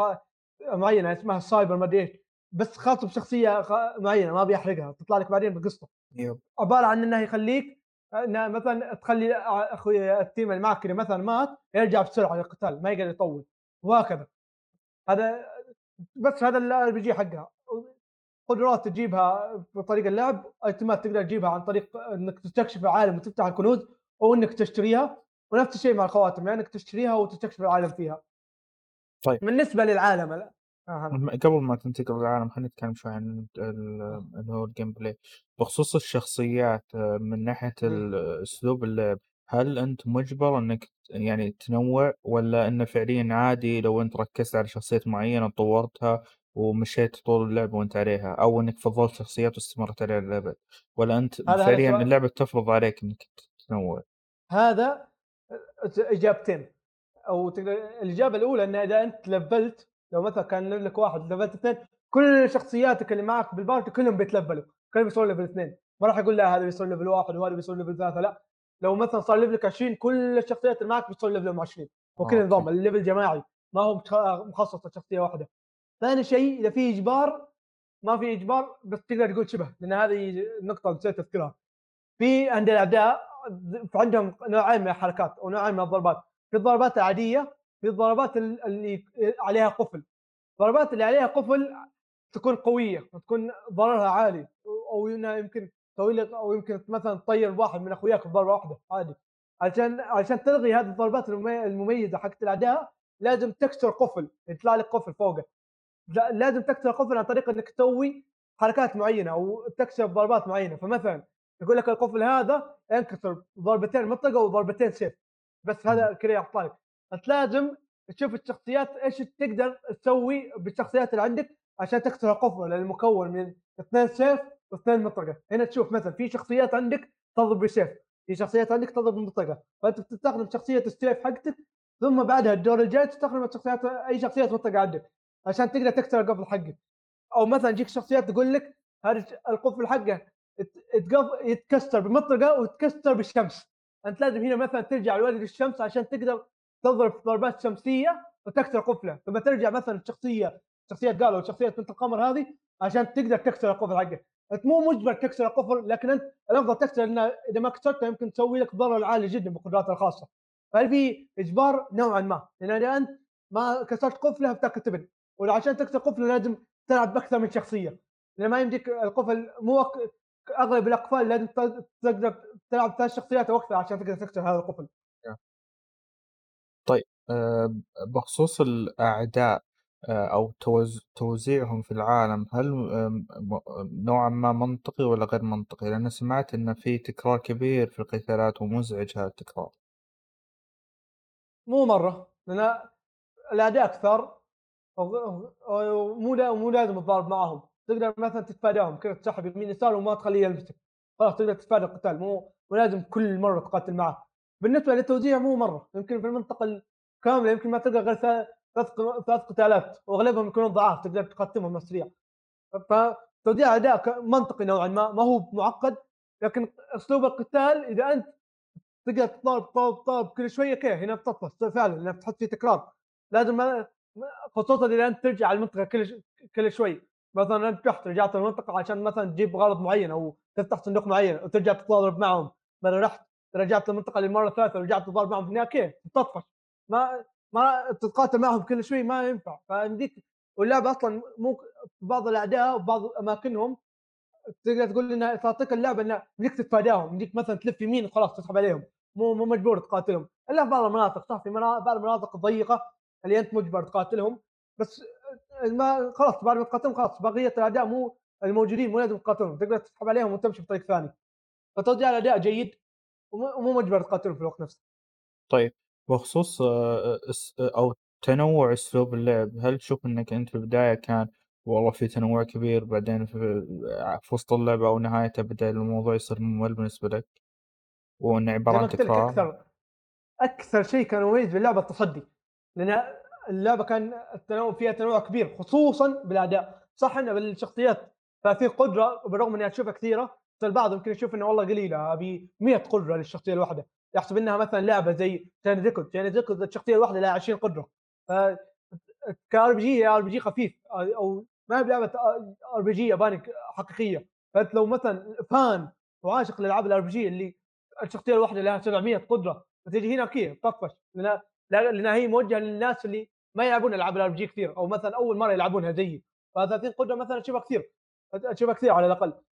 بالأعداء أشوفهم كافيين ووافين إن أعداء أكثر وكل عدو تقدر تقول له قدرات وحركات خاصة وكل وبما إن اللعبة تدعم شيء إنك تتصدى الضربه فأنت بتقعد كل شوي تكتشف أعداء كل شوي تحاول تفكر كيف يمديك تصد ضربته أو يمكن فهذا يمكن يخلق تنوع كثير خصوصا الأعداء يمكن كم فوق ال 50 عدو.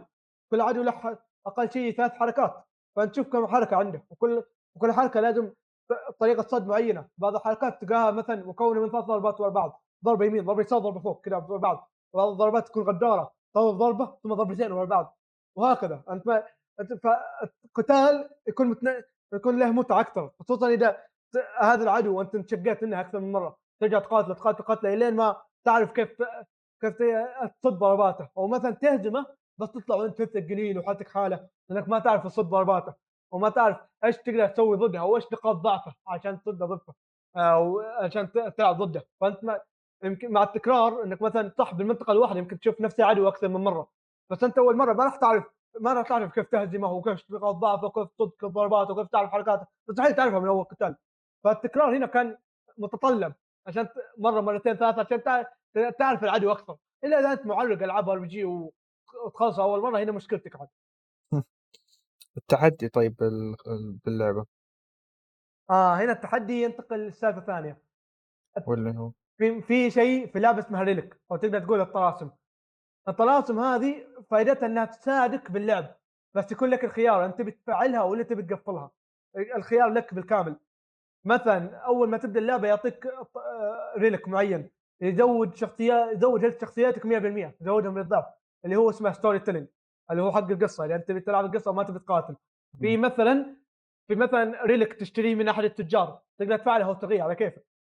المو مجبر بس يخليك إنه ما تصير ما تصير مضطر تصد عادي. يديك مثلا ما ما, ما يحتاج إنك توقف الصد بس أنت خلاص فكه الشخصيه من الحالة الصد فمن نوع التحدي أنت تقدر تقرره أنت تقدر خصوصا مع التجار ومع الريلك الكثيرة اللي تقدر تجمعها تقدر تفعل وتقفل اللي تبي. أنا مثلا أغلبها تكون غش للصراحة. أغلبها تكون مثلا إن أغلب حركاتك تتفاعل من تلقائي ومثلا ضرباتك العادية. وانه يقول لك مثلا احتمال 33% من الضربه اللي يجيك العدو تنصد من حاله ما يحتاج أن تصدها فأغلبها غش. أغلبها حقة المنوب اللي مثلا يشوف إن التحدي صعب وما هو متعود على اللعب يقدر يفعلها. يقعد مثلا نص اللعبة بعدين يقفلها خلاص يتعود على اللعبة. وبعض الريدك ما تقدر تقول عنها غش ما تقدر تقول عنها مساعدة. أنا كنت مفعل ريدك يقول لك اذا أنا كنت اضيع في الحركات. أنا مثلا أنا ضربت حركة.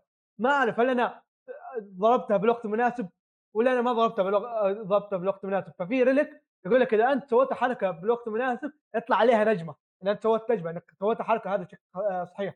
ما ما أعتبرها غش قد ما أنا علشان أعرف حركات شخصيات وكيف أفعلها. يعني مثلا كانت في حركة عند ولد النار يصير يجمع لك كرة نار يكبر يكبر يكبر. وكنت أرميها. أنا ما أعرف هل في حجم زيادة ولا هذا الحجم الأخير ما أدري. وكنت أفعل relic عشان يعلمني. هل هذا الوقت مناسب ولا هذا من الوقت المناسب يطلع لك نجمة. إذا أنت سويتها بالوقت المناسب يطلع لك نجمة. انه okay أنت الحين سويتها بالوقت المناسب آه، نجم بالوقت المناسب وهكذا. في relic في relic ات مثلا تقول لك نزود عدد ال XP اللي تجيبه 20% بالمية في relic يقول لك آه، كل ما خلصت قتال يهيل لك full بدون ما تحتاج إنك تهيل وهكذا.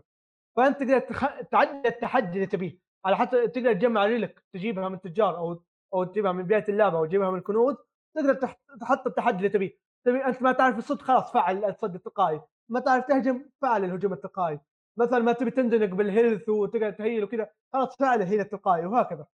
طيب آه، بخصوص ال- شو اسمه ال- العالم أيوه. العالم. العالم هذه واحدة من أقوى نقاطها الصراحة. عالم كبير. متنوع وتقدر تقول إنه متشعب. من اماكن تحت البحر من اماكن فوق بالسماء قصر فوق السماء من مدن من أماكن جوية من أماكن سايبر برقية. كل شيء تبيه في العالم هذا. ورسومات اللعبة جميلة جميلة جميلة. خصوصا إنها بيكسل. وأنا أعشق ألعاب البيكسل الصراحة. خصوصا إذا كانت الرسومات حقتها مضبطة. طول اللعبة تقييمها يمكن 30 ساعة فقط. وأنا مخط... موصل 60 ساعة أغلبها بس وأنا أتمشى بالعالم أشوف المناظر أشوف العالم أشوف الشخصيات يا أخي رسوماتها جميلة رسوماتها جميلة جميلة خصوصا انه في بعض ال... الكم... تقدر تقول أماكن كاميرا إخراجية. يجيك مثلا يجيك مثلا تجيك الكاميرا من بعيد شوف ال... شوف المنطقة تجيك الكاميرا مثلا من ظهر الشخصية وتشوف العالم شوف رسومات فعلا جميلة. مع تنوع المناطق وتنوع العالم شيء شيء وكان جميل حتى مع تصميم الشخصيات رسومات الشخصيات نفسها. وتعابير وجه الشخصيات لما يجيك مثلا شخصية تتكلم يعطيك وجهها يعطيك الحوار حقها. رسومات وجه الشخصية كانت جميلة حتى. صح إن بعضها كانوا نفس الشيء يعني مثلا شخصية تحزن كل الشخصيات لهم تقريبا نفس الوجه بس كانت جميلة. حتى حتى رسومات الوجه جميلة الشخصيات تصاميمهم جميلة العالم بشكل عام تصميم جميل. في بعض المناطق ما عجبتني لكن تقدر تقول جلتشيه في في حاجة غلط في ال- ال- الرسومات ما ينفع. بشكل عام رسومات جميلة تصاميم الاعداء حتى جميلين.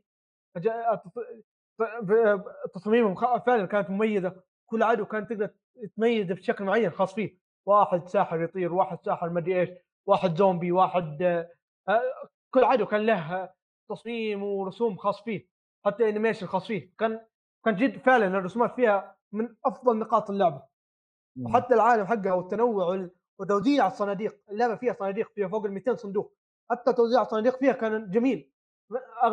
يمكن ختمت اللعبة من أصل 200 صندوق أنا مجمع يمكن فوق ال 180 صندوق. ما بغير غير 20 صندوق اجمعها علشان نجيب ال trophy.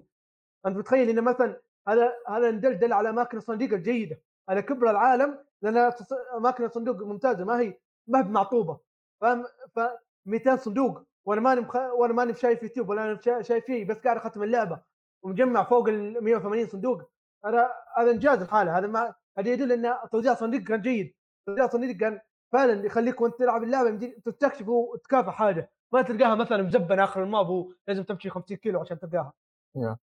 طيب سؤال الحين بخصوص نظام اللعب لأنه هو إحنا نعرف ألعاب ال RPG المعتادة نظام اللعب إيه. فيها آه، إنك أنت في عالم مفتوح تتمشى فقط وبال شو اسمه ويعني تسولف مع ال مع اللي هو الأصدقاء أو خلينا نقول تتعرف على شخصيات ولما يجي وقت القتال هو هو النظام ال gameplay معتمد 100% على القتال. في Sea of Stars هل نفس الفكرة؟ ولا حتى بفك... لما تتجول في العالم فيه ألغاز أو أفكار أو gameplay مختلف؟ لا يوم تتنقل بالعالم يمكن. خصوصا بالتختيم. راح تلقى أماكن فيها الغاز مثلا في لغز راح تلقاه أو بدم اللعبة أو بداية اللعبة اول ساعة. بيكون عبارة عن ال- القتالات على الغاز في الوقت نفسه حيث إنك تدخل مختبر فاضي تأخذ كريستاله والكريستاله عندك كريستاله كل لون كل لون يعطيك بوابة معينة. فمثلا جبت. الكريستاله الزرقاء وحطيتها بيطلع لك ال- البوابة الزرقاء. يوم تدخلها يمكن تلقى لغز إنك تدف مربع تدف مكعبات و... ولازم تحركها بطريقة معينة. علشان تقدر مثلا توصلها بنقطة فاهم علي؟ أو. أو مثلا تستكشف المنطقة من نفس الاستكشاف يمكن تلقى الغاز. فمثلا في منطقة عليها لغز طلب إنك تنزل إذا نزلت حاجة يرتفع شغلة. بس لازم تنزل ترفع تنزل ترفع علشان تقدر تضبط المنطقة وتقدر تمشي فيها. ففيها الغاز فيها تنوع. حتى حتى دون المهمه القطه الرئيسيه وأنت قاعد تجمع صناديق بما إن الصناديق تلقى فيها جوائز محترمة تلقى فيها لغز. اللغز هذا لازم تحله أو تلقى فيها قتال لازم تقاتله فكان في تنوع بين أو تقدر تقول توازن بين الغاز والقتال. مو كل اللعبة قتال ولا كل اللعبة الغاز داخلة كذا بالنص حتى الغازها بسيطة ترى. ما ليست معقدة جدا. طيب بخصوص المؤثرات الصوتية. اللعبة RPG ما فيها مؤثرات صوتية كثير. اللعبة اعتمادها الكلي على ال soundtrack والموسيقى وأنا كنت كاتب أبوها ما أحب أسمعها.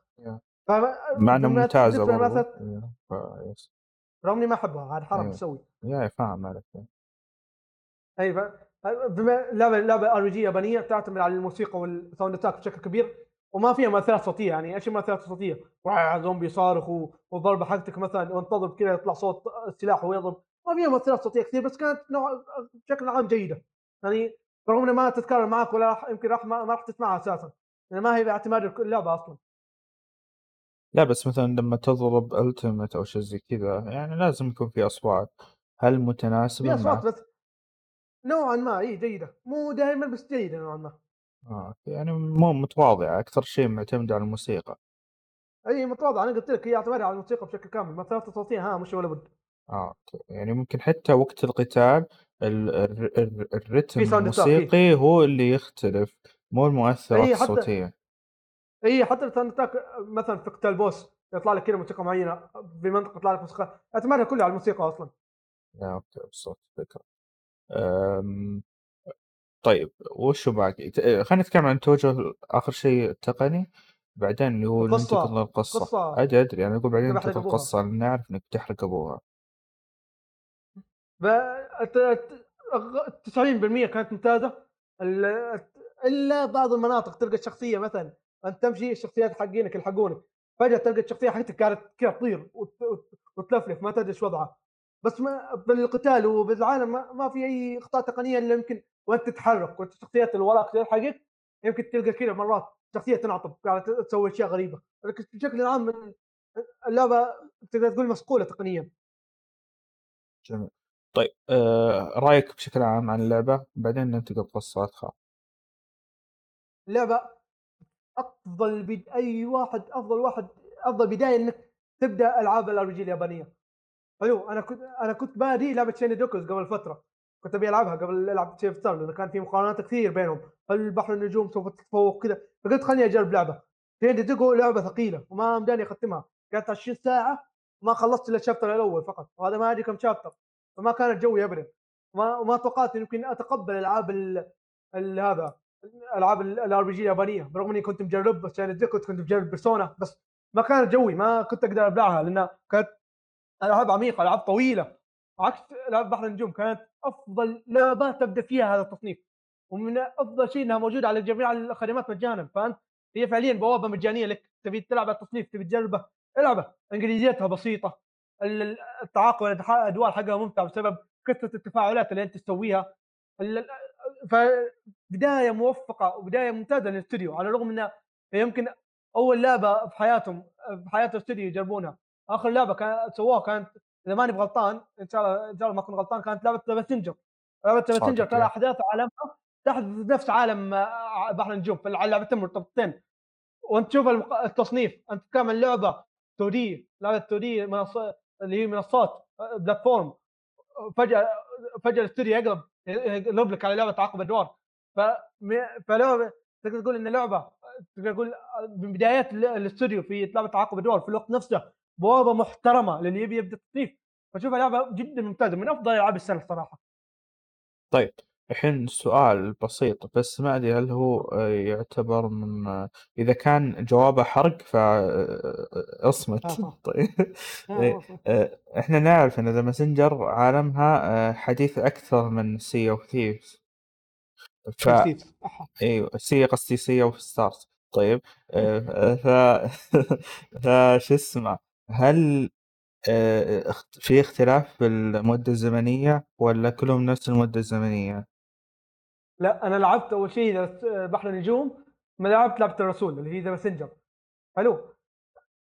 فيهم أشياء مشتركة فعالمهم نفس العالم. فأنت بتلعب The Messenger المناطق اللي أنت بتمشي فيها بتكون لقيت نفسي قد مشيتها أصلا بلعبة بحر النجوم. فالأحداث نفسها تقع بالعالم.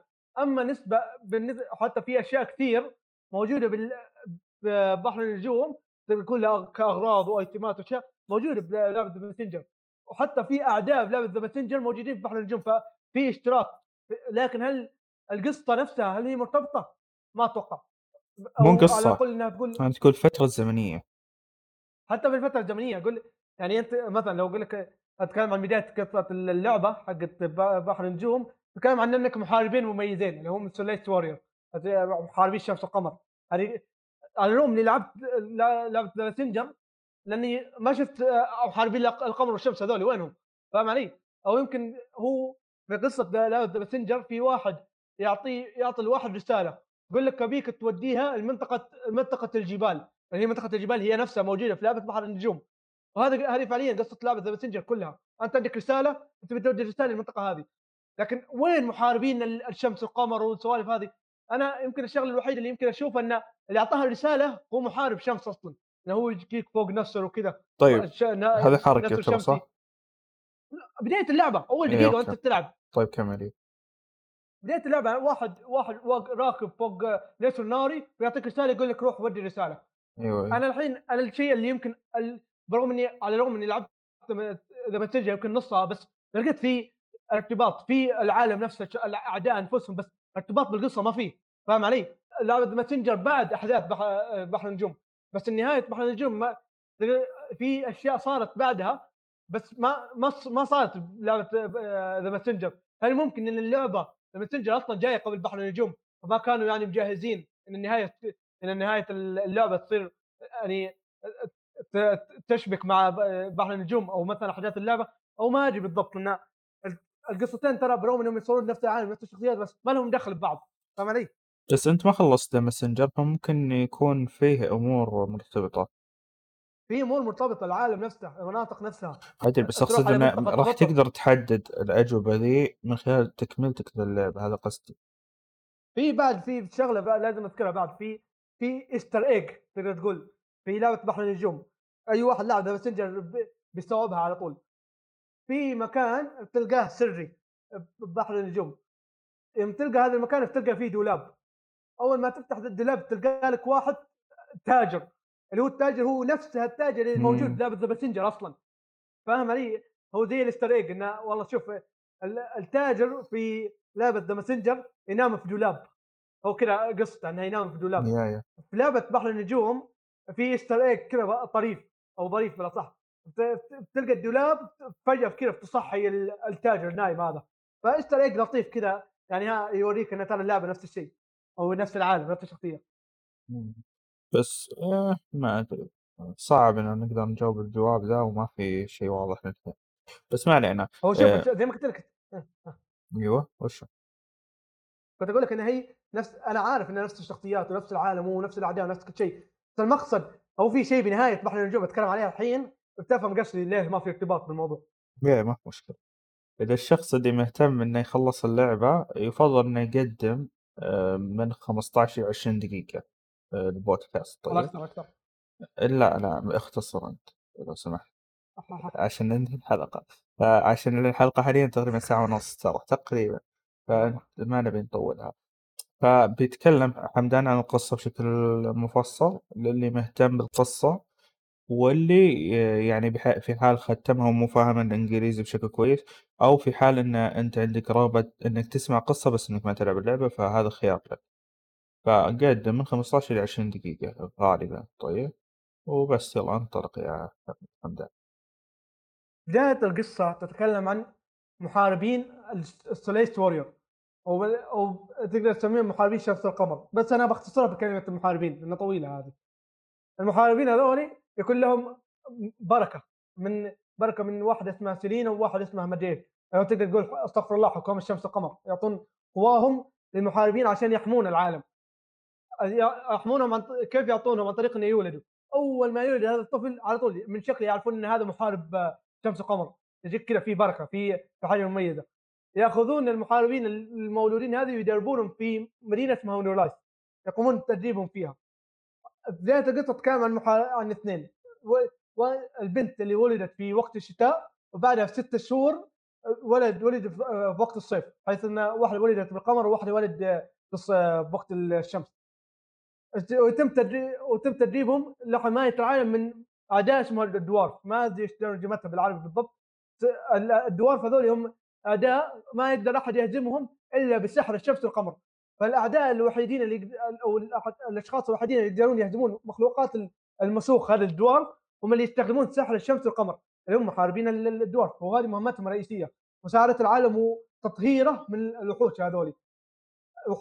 هذول الوحوش دائما أقوياء. وحتى سحر الثليث المحاربين غير قابل إنه يهزمهم. إلا في وقت واحد اللي هو وقت الخسوف وقت الخسوف إنه يجتمع الشمس والقمر وتظهر الأشكال الحقيقية حقت الوحوش. ويتم وقتها وفي الوقت نفسه يقوى قوة السحر حقت المحاربين. فيقدرون يهزمونهم. هذه هي نبذة المحاربين وش وظيفتهم بالضبط؟ قصة اللعبة تبدأ مع محاربين. زي ما قلت واحد يولد واحد تولد بوقت الشتاء وواحد يولد بوقت الصيف. ويتم أخذهم وتدريبهم من من قبل شايب. شايب له خبرة بالقتال ويقاتل له فوق 100 سنة يا رجال يقاتل يمكن فيأخذهم ويدربهم تدريبات قاسية. قبل ما يدربهم هم بزران كان عندهم صديق طفولة اسمه جارل كان صديقهم كانوا يلعبون مع بعض. فجاهم الشايب هذا قال أنا بدربكم أنتم محاربين مميزين. ما ينفع أخليكم تعيشون مع الناس طبيعيين.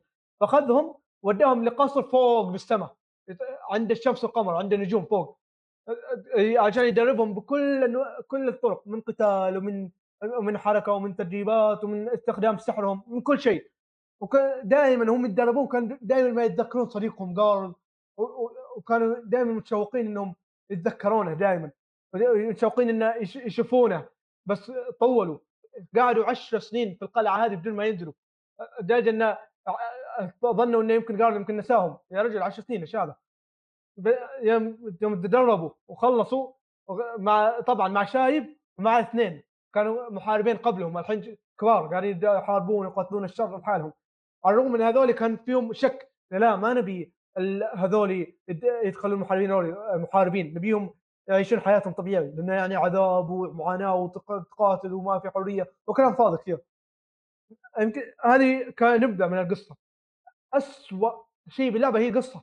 فعليا رغم انها لعبه RPG ومعتمده القصة إلا أن قصتها ضعيفة سطحية سطحية بشكل ما تتخيله. الحين نبدأ بالحرق الثقيل. شخصيتين اللي هي بورتوغاس وواحدة اسمها سوليسا اللي هم المحاربين اللي قبل آه الكبار اللي قاعدين ماسكين الوضع اللي مع الشايب. هذول أكثر شخصيتين سطحيتين شفتهم بعالم الألعاب كله بعالم المسلسلات والافلام كلهم اسوء شخصيتين ككتابة. تخيل معي شخصيتين عاشوا حياتهم هم صغار عاشوا حياتهم في أقوى مراحل كانوا في ال prime كانوا في أقوى شيء محاربين. كان في فوق ال 30 محارب 20 محارب. كانوا كلهم يقاتلون وكان كان العالم فيه سلام كبير جدا بسبب كثرة المحاربين بسبب القوة اللي كانوا عندهم فيها.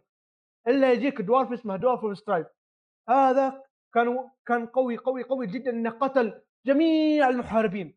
ما بقى غير الشايب اللي قدر يقضي عليه بالضربة الأخيرة. ورجع للمدينة اللي فيها القصر. القصر اللي فوق النجوم هذا وهو مجروح ومصاب وإصابات قاتلة. فتقدر تقول إن هم طفلين هذول اللي هو بورتوغاس وسلينا هذه نسيت اسمها. شافوا إن المجزر اللي صار قدامهم وكانوا حتى يسولفون يوم راحوا المحاربين فوق ال 20 واحد يقاتلون. كانوا دائما يقولون والله أبي العب مع فلان يقول والله أبي أكل الأكل حق فلانه يعني حلو. يعني كانوا متعلقين بالناس هذول كانوا متعلقين بالمحاربين كانوا كعائلة لهم. بس بعد ما صارت المجزره وبعد ما صارت المقتل اللي قتل الجميع حتى الشايب كان بيموت. اضطر وما ما كان يقدر يقاتل. لفتره طويلة من الزمن لأن اصابات قاتلة وما مسؤوليه العالم كبيرة. يا دوب قدروا يقتلوا الدوارف هذا. فما مالك بقية الدوارف؟ وما بقي غيره هو. هو الشايب واثنين كانوا بزران كانوا هم المحاربين اللي كان لازم يدربهم. فكان صار النفسيه على عكس ما كان جايب وعطوف وحبيب ووقتها كان شباب قبل لا يصير شايب. كان صار نفسية صار يحمل مسؤولية ضخمة على الطفلين هذول. لأن أنتم حرفيا امل العالم الوحيد. أنا شايب مو شايب أنا مصاب اصاباتي ما راح تمنعني من القتال لفترة طويلة جدا. فأنتم الأمل الوحيد. فكان يدر... كان نفسية كان معصب دائما كان يدربهم تدريبات قاسية جدا علشان يتحملوا عظمة المسؤولية اللي على كتوفهم فكان عن مسؤولية 20 واحد صارت باثنين بس. ف... ف... فأنت تقدر إنهم شافوا المعاناه وهم صغار شافوا المقتل شافوا هم عارفين حجم المسؤولية. بس أنا عاجبني انه يا أخي إيش التضحية اللي بتصير الحين؟ ال- كانوا ضد إن الطفلين اللي هو اللي الجايين إنهم كانوا زي ما قلت لك كانوا ما يبون يدخلوا يدخلونهم المحاربين. يعني حتى لو أنتم فيكم بركة يا أخي عيشوا كذا محاربة معاناه وكذا لأنهم كانوا عليهم مسؤولية كبيرة زي ما قلت لك إن مسؤولياتهم اكبر من مسؤوليات المحاربين القدام. العالم كله كان عليهم حرفيا. بس اللي ما أعجبني وأشوفه فيها عطب كبير كبير كبير كبير اللي صار بعدين. قرروا إنهم يخونوا المحاربين. قرروا إنهم يقوموا معشر المحاربين. وإيش سووا؟ عشان يعني يتركوا العبودية. يشوفون إن قتال العالم وهذا عبودية وإن إن قتالنا ما راح ينتهي ابدا. فإيش يمكن الفكرة العبقرية اللي يمكن يسوونها علشان يفكون نفسهم من المسؤوليه يرجعون إحياء الجيف السوال شفت ال- ال- ال- المسخ هذا اللي قتل 20 واحد أمام عيونهم وخلى الشايب نفسيه اللي كان عطوف معهم خلاه نفسية. اللي هو سبب المسؤولية الكبيرة عليهم. قاموا رجعوا احياءه ليش؟ لأنه طفشنا. يا أخي يقلع بالعطب يعني أنتم شايفين المعاناة شايفين إن هذا قتل 20 واحد قتل ناس قريب من ع... يعني كأنهم عائلة لكم. حتى أنكم كنتم دائما تحبون تحب تلعب مع فلان ويحب يطبخ مع يطبخ مع فلان ويحب كانوا يحب يحبون. ليش ترجعون احيائهم؟ ليش ترجع أحياء هذا المسخ؟ لا وسببهم منهم طفشوا من الحياة وكانوا متعاونين مع واحد اللي عشان مرتقى تقول ابي انسى الحياة ابي أبدأ أبي أولد من جديد بدون ذكريات سابقة. وسيليسا تقول أبي أبي القوة الخارقة أبي أقوى شيء أبي أعيش حياتي وأنا حاكم العالم وأترك هذا العالم. يا أخي ما في أي منطقية بالضبط. أنا أشوف شايف- منطقية. ها؟ أنا أشوف فيه منطقية. كيف منطقية؟ تخيل معي واحد قتل أهلك كلهم وهو السبب في معاناتك فتروح ترجع احيائه عشانك طفشت من حياتك. اي وين عادي؟ واحد يبي خلاص يبي يموت يبي يفتك. إيش اللي يموت؟ و... على الأقل شرف أهلك على الأقل شرف أصدقائك شرف أهلك. هذا أنت عاد قبيلة. بحياتهم عشان يقتلونه. في. مشكلة. بس آه، يعني هم اجانب فايش عرفهم بالسوالف دي. ما في شرف و وثأر حتى لو اجنبي على الأقل في شرف شوي. أنت تتكلم عن وحش قتل كل عائلتك قتل كل أصدقائك وهو المتسبب في معاناتك هو المتسبب في المسؤولية اللي أنت عليها الحين. فبدل ما أنك تشوف لك حل ثاني تقرر إنك ترجع للحياة. ليه؟ بس كذا عشان شرف- يقتلني يعني هو هو خرب كل شيء خلاص يقتلني وفكني. يا فاهم؟ أخي أخ... عائلتك ضحوا بحياتهم شوف عشان- هو شوف شو أصدق- شخصيات مراهقين صح؟ مو مراهقين والله كبار الشياب. كم عمرهم؟ هم البزران اللي قاعدين يتدربوا. إيه يعني اللي عادوا إحياء مو بمراهقين. كبار كبار. ومعاهم آه معاهم أوكي. منظمه يمكن. مراهقة متأخرة طيب. مراهق المراهقين هم الشخصيات اللي تلعب فيهم حاليا. هذول المراهقين هذول كبار أرب... واحدة أربعينية والثاني خمسيني. خلاص كبار هم. يعني هم اللي قرروا إنهم يرجعونه صح؟ هم اللي قرروا انه علشان المنظمة الإرهابية اللي قلت لك عنها هي تبي ترجعه بس كيف؟ ما تقدر ترجع دون بما زي ما ان السحر ال- المحاربين هو الوحيد اللي يقدر يقتله. في الوقت نفسه السحر المحاربين هو الوحيد اللي يقدر يرجعه هو كذا النظام. فإيش مم. قرروا؟ قرروا انه يستخدمون سحره علشان يرجعه رغم انه كل في 20 واحد توه مات منه. ما أدري إيش وضعهم يا أخي ما في أي منطقية برغم إني أقسم بالله إني قعدت ساعة أفكر. ليش؟ إيش السبب؟ اللي يمكن يخليهم فعلا يعني يرجعوا للحياة. ما في سبب. لو نقول إنه والله المسؤولية شاقة وكذا. يا أخي شوف الشايب. شايب أصيب إصابات قاتله وشاف المعاناة. يا رجل مدرب أجيال أربع أجيال هم والجيلين اللي بعدهم بعد البزان اللي تعب فيهم. وقاعد حياته كلها مخلص حياته في في القتال. حتى إنه وقت ما يقاتل الدوار ويقاتل معاهم يكون كمساعد يجيك صح انه ما يقدر يقاتل بنظام أسحار بس يقاتل من ناحية إنه يعالج يعالج اللي معاه إنه يضعف السحر اللي ضده ومستعد إنه يدرب الاجيال اللي بعدها سنوات. فكيف أنتم يا الدلوعين اللي يعني شفتوا العالم والله نبي نرجع نبي خلاص طفشنا. وعندكم شايب سبعيني. له اجيال وهو قاعد يدرب دربكم ودرب اللي بعدكم ومستعد بيدرب اللي بعدكم.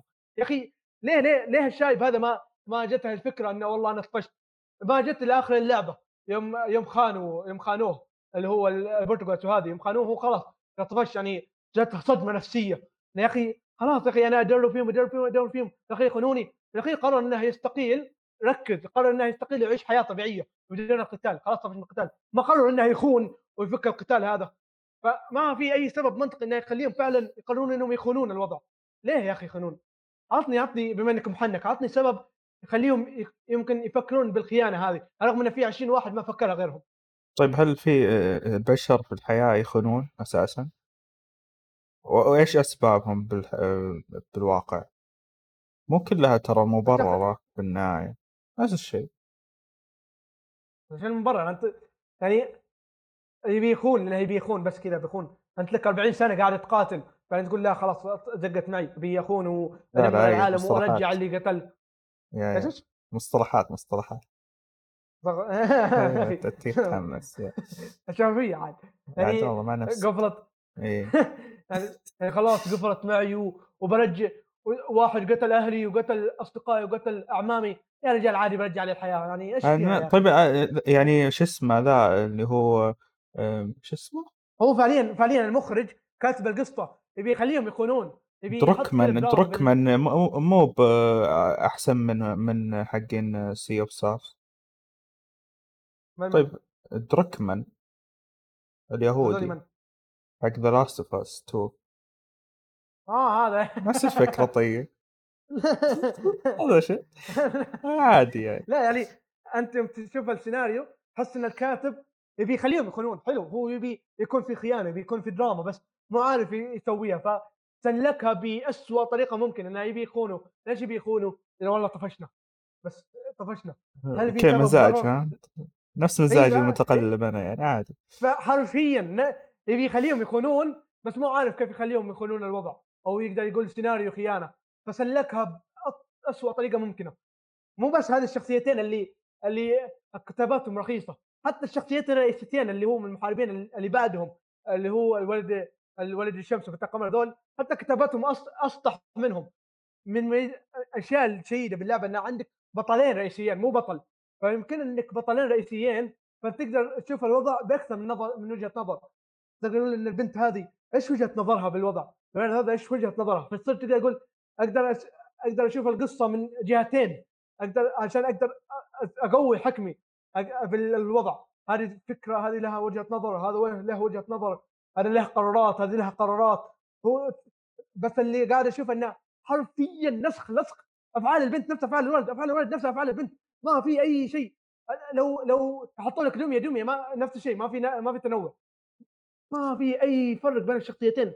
شخصيتين لصق لصق لصق عن بعض رغم اني اشوفها فرصه ضائعه يا أخي كان يمديك تنوع كان يمديك تشوف ال- الوضع هنا كان يمديك تشوف وجهات نظر أفكار معتقدات حتى لو أنهم عاشوا نفس العيشة بس على الأقل واحد يشوف الوضع من وجهه نظر. لصق لصق هذا إيش يا أخي؟ وورد هذا. عاد غريب. The Messenger كانت كتابة الشخصيات ممتازة والقصة بشكل عام. ماسنجر؟ لا والله التسليكية هي ثانية برضو؟ يعني شخص عندك شخصيتين. بدل ما تستغل الوضع. وتحط لكل واحد شخصية مختلفة أنت حطيت شخصية واحدة وحط... وحطيتها على الاثنين إذا واحد حزن هذا لازم يحزن معه حتى حركات حتى تفاعلهم بالقصة نفس الشيء ما في اي يا أخي ما في تنوع بين الشخصيتين لو. لو تخلي لي لو تخلي هذا شيطان وهذا وهذا شو اسمه وهذا بشري ما ما راح أفرق نفس الشخصية نفس. نفس القصة نفس الأساليب نفس الأفكار نفس ال... يا أخي كيف كذا والله لو إنهم توأم ما يصير كذا شخصنها حمدان فانا إيش؟ أقول شخصنها حمدان يا أخي لعبة حلوة بس قصتها دبالة بشكل مو طبيعي. ما عندي مشكلة مع القصة الأحداث كويسة بس سطحية الشخصيات مسطحة أكثر من الأرض نفسها. جدا. هذا غير غير شغلة بعد بالنهاية لازم أذكرها. في شخصيتين رئيسيتين اللي هم مسببين بالأحداث العالم كلها. واحد اسمه النكرومانسر واحد اسمه الخيميائي. اللي هو الخيميائي ال- ال- ذا- ال- الخيميائي القديم تقدر تقول.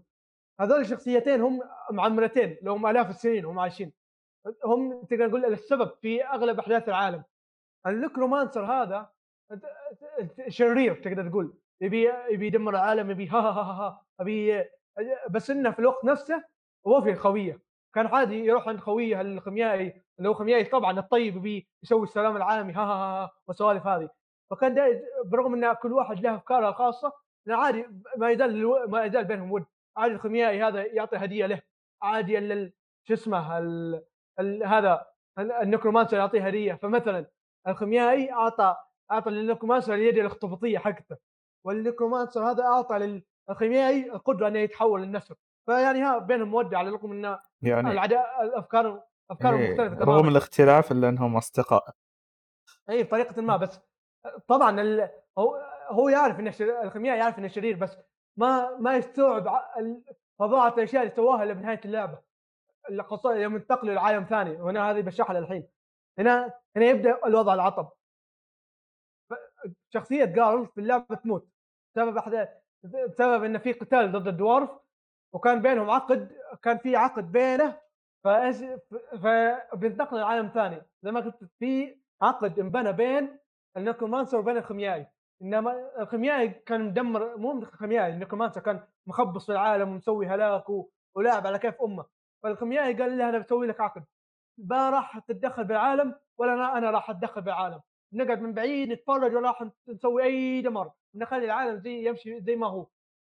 الخم... لا أنت يا ال necromancer بتدمر على العالم على كيفك ولا أنا. لو شفت مصيبة تدمر العالم ما راح أسوي شيء. بقعد من بعيد اتفرج محترمين العقد النكرومان على الرغم من ذلك لأن ال- الخيميائي كان يساعد شخصيات القصة كان يعني يساعدهم معلوماته بما إنه عايش ألف سنة والله سووا كذا سووا كذا روحوا سووا كذا وما كان يساعدهم بشكل نفس- نفسه حتى إنه كان أول ما قابلوه أعطاهم شروط ان أنا ترى ما راح أتقاتل معكم ولا راح أتضارب معكم ضد الدوار ولا راح أفزعلكم أنا بس راح أكون مجرد بنك معلومات عندكم بس ما راح أساعدكم ليه؟ ما ذكر السبب بس بعدين يوضح السبب إنه عشان العقد اللي بينه وبين النكرومانسر في قتال ضد واحد من الدوارف اللي هو دوارف ال- اللي هو ستارف اللي الحمير اللي قبل رجعوه للحياة.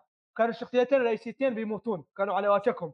واحدة من الشخصيات اللي تقابلها بعدين باللعبة راح تاخذ سلاح الخ- الخيميائي غصبا عنه وترميه على بما انه سلاحه فلكي سلاحه آلاف سنين قوي هذا السلاح. هذا ضربة واحدة يقتل. فاخذت سرقت سلاحه ورمته على ال- الوحش عشان تقتله. بس هي ما تعرف إيش المصيبة اللي سوتها إنها كسرت العقد. اللي كان يمنع ال necromancer إنه يدمر بالعالم. دمر العالم مو دمر أو تقول انكسر العقد. ال necromancer دخل على الخيميائي. آه أنت كسرت العقد ترى. أنت أشوفك دخلت بالعالم. شوف إنك دمرت قتلت الوحش حقي اللي هو ال Dweller اللي أنا مسويه. أنت شوفك قتلته. قال لا أنا ما قتلته والله. في هذه هطفة أخذت سلاحي. قال لا أنا ماني دخل أنت أنت لك أنت دخلت بالعالم بأي طرق أنت دخلته. خلاص أنا بدمر الوضع. خلاص أنا ما راح بتدخل بالعالم. أول شيء سواه نكرومانسر انه قتل جارد. قال كذا سوى له كم يوم وقتل جارد وخلاص. قال هذه بدايتي. انت دخلت في العالم وقتلت ال- الوحش حقي أنا بقتل خويك هذا قال وفعلا قتله. وقتل بال... تكمل القصة وهو مقتول. بس جارل بس ال- الس- الساعة هو السلاح حق الخيميائي هو ساعة. قدر يستخدم بأمر من جارل انه لازم عشان تستعمل الساعة لازم يجيك أمر من صاحب ال... ال... الأمر هذا. إنه إنه يرجع للحياة. هو ما رجع هو استخدم عليها الساعة الزمن هذه بس ما رجع ريال للحياة. بس انه أعطاه وقت قال أنت اسمع أنا أنت بتموت. بس بدل ما تموت الحين تموت بعد يومين كذا مثلا. أنا بس أجلت موتك. لأن علشان يعطيك أجلت موتك والساعة تعطيك تأجل موتك هذا بشرط واحد. إنك تسوي السبب اللي أنت عشت علشانه. أنت بتموت. أنت مثلا لك هدف إنك تبي تساعد أخوياك. مرة تبي تساعد أخوياك. هنا أقدر أعطيك الساعة وأعطيك مثلا لين ما تخلص 20 سنة يا رجال لين ما تحقق الهدف حقك لين ما تساعد أخوياك بعد ما تساعد أخوياك خلاص تموت. لكن إذا خالفت العهد اللي أنت سويته مع الساعة مثلا رحت تتعشى في مطعم هنا لا على طول الوقت بيخلص تموت مباشرة لأنك ما سويت السبب اللي الساعة أعطتك وقت علشانه. فتبدأ القصة تبدأ القصة انه أول شيء فقبل ما يموت جارل يجيك كذا رؤية رؤية رؤيات من رؤية عن شيء اسمه بحر النجوم. رؤيه عن شيء اسمه السماويين ورؤيه عن شيء اسمه التنين النائم وكذا تجيه رؤى فجأة بطريقة ما. يجيك فجأة يصير خبير وشايب وما تدري إيش وضعك فقال فقال له اسمع الطريقة الوحيدة اللي أقدر أساعدكم فيها يا شباب إني أوصلكم البحر النجوم اللي هو عنوان اللعبه طبعا. في منطقة اسمها بحر النجوم. لا علشان يسوونها لازم يأخذون موافقة السماويين. عشان يأخذون موافقة السماويين لازم يعطونهم عرض محترم. إحنا كسماويين إيش؟ إيش اللي بيخلينا نفتح لكم بحر النجوم هذا؟ لازم لازم في سبب. إيش السبب حقهم؟ إن إحنا بنعالج التنين. في تنين نائم بتلقاه في العالم. من بدايه اللعبة بتشوفه نايم. هذا التنين نائم له آلاف السنين وال- والشعب بيحاول يخليه نايم. عن طريق إنه يعزف له معزوفة بالهواء, بالهواء عشان يخليه نايم طول الوقت. لأن إذا صحى بيدمر العالم. قال قال اسمعوا يا سماويين يا حكام السماء هذا. أنا بانقذ بحرر هذا التنين. بخليه يصحى وما راح أخليه يدمر العالم. بشرط إنكم تودون اخوياي وتساعدونهم؟ وتودون تودونهم البحر النجوم قالوا خلاص أوكي. لأنهم عارفين إنه مستحيل واحد عاد يصحى التنين. من ذا اللي يصحى التنين؟ بس ما يعرفون إنه قال قد جته رؤية كيف يصحى التنين أصلا؟ قد جته رؤية كيف يشوف السماويين أصلا؟ جته رؤية من كل شيء بطريقة ما. بالفعل يساعدهم ويفزع لهم و... ويصحون التنين وينقذونه. والسوالف هذه كلها. وبالفعل بعد ما يخلص قال هدفه يموت. ويروحون يدفنونه على الشجرة. خلاص قال مات. ويقعدون كذا مكتئبين واغنيه حزينة كذا تشتغل بالخلفية ويا أخي قال الخوي مات. وسوالف كثير يعني يعطون يعطونك إنك الدراما حقتهم فيعطونك كذا مشهد حزين إنه كيف مات فعلا التماوين هذول ينفذون ينفذون شرطهم اللي سووه ويودونهم بالبحر النجوم عاد وين يودي بحر النجوم؟ يودي العالم مختلف تماما أول ما تدخل العالم بتشوف cyber cyberpunk حرفيا أنا أول ما دخلت يعني فجأة قلت أنا وين رايح؟ cyberpunk وروبوتات وواحد شايل مسدس رغم إني أنا ألعب لعبة RPG لعبة سحر. واحد حد يرمي كرة نارية. من وين جاب لي واحد؟ الي ومسدس ومدري إيش. حاجة غريبة غريبة. أنا استغربت فيها. فطلع انهم راحوا انتقلوا لعالم مختلف تماما. الشخص واحدة من شخصيات اللعبة كانت هي جاي أصلا جاي منتقلة من عالمها لهذا العالم. عشان يعني تنادي أو تقدر تقول تست... تقدر تجيب لها محاربين. محاربين الشمس لأن محاربين الشمس.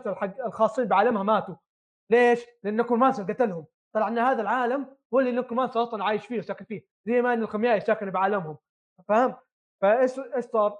قال هي أصلا منتقلة ما أدري كيف انتقلت بالضبط بس هي انتقلت من عالمها لعالمهم علشان تجيب المحاربين لعالمها عشان يحرروهم من بطش وهلاك ال- ال- ال- النكرومانسر هذا بس إيش صار؟ طبعا بسبب الهلاك ال- السامهم حتى الشخصية الرئيسيه بتشوف إنها سايبر شخصيتها كلها روبوت ما في غير يد طبيعيه والبقية كله يا سايبر برجر حرفيا. يا. وأغلى وتشوف المدينة كذا غريبة وسايبر برج برغم إنها شيء غريب بعد صراحة. شوف كذا الشخصيات كلهم روبوتات إنها سبب آلة تستخرج أرواحهم من أجسامهم تحطها في في روبو في روبوتات. فالحين جسمهم كله روبوتي ما في ما في أي جسم بشري بسبب الآلة هذه. وتبدأ تشرح لك معاناتهم وكيف إن العالم حقنا تدمر وكيف إن أرواحنا سلبت وحيواناتنا سلبت حتى اشجابنا سلبت. وأنا اضطريت إني أنتقم من عالمي عالمكم علشان بس أجيبكم لأن محاربيننا ماتوا. وما في محاربين انولدوا. عشان محاربين شمس وقمر انولدوا لازم شمس وقمر. بس اللي صاير بعالمها إن القمر غارق في الأرض. ما أدري كيف القمر ترى كبير ما أدري كيف غارق بالأرض. ما هو وما هو بالفضاء. والشمس متغطية بالشمس. فما عاد لا في قمر لأن القمر غارق ولا عاد في شمس مغطيه فبما أن لا في شمس ولا في قمر ما راح انولدوا محاربين. فخلاص إحنا محاربين انقرضوا الطريقة الوحيدة أن نجي اني نقدر نجيب محاربين يقاتلوا معنا أني أروح عالم ثاني أجيب محاربين. وفعلا وفي الوقت وقت من القتال هذا والخيميائي كان معهم يساعدهم.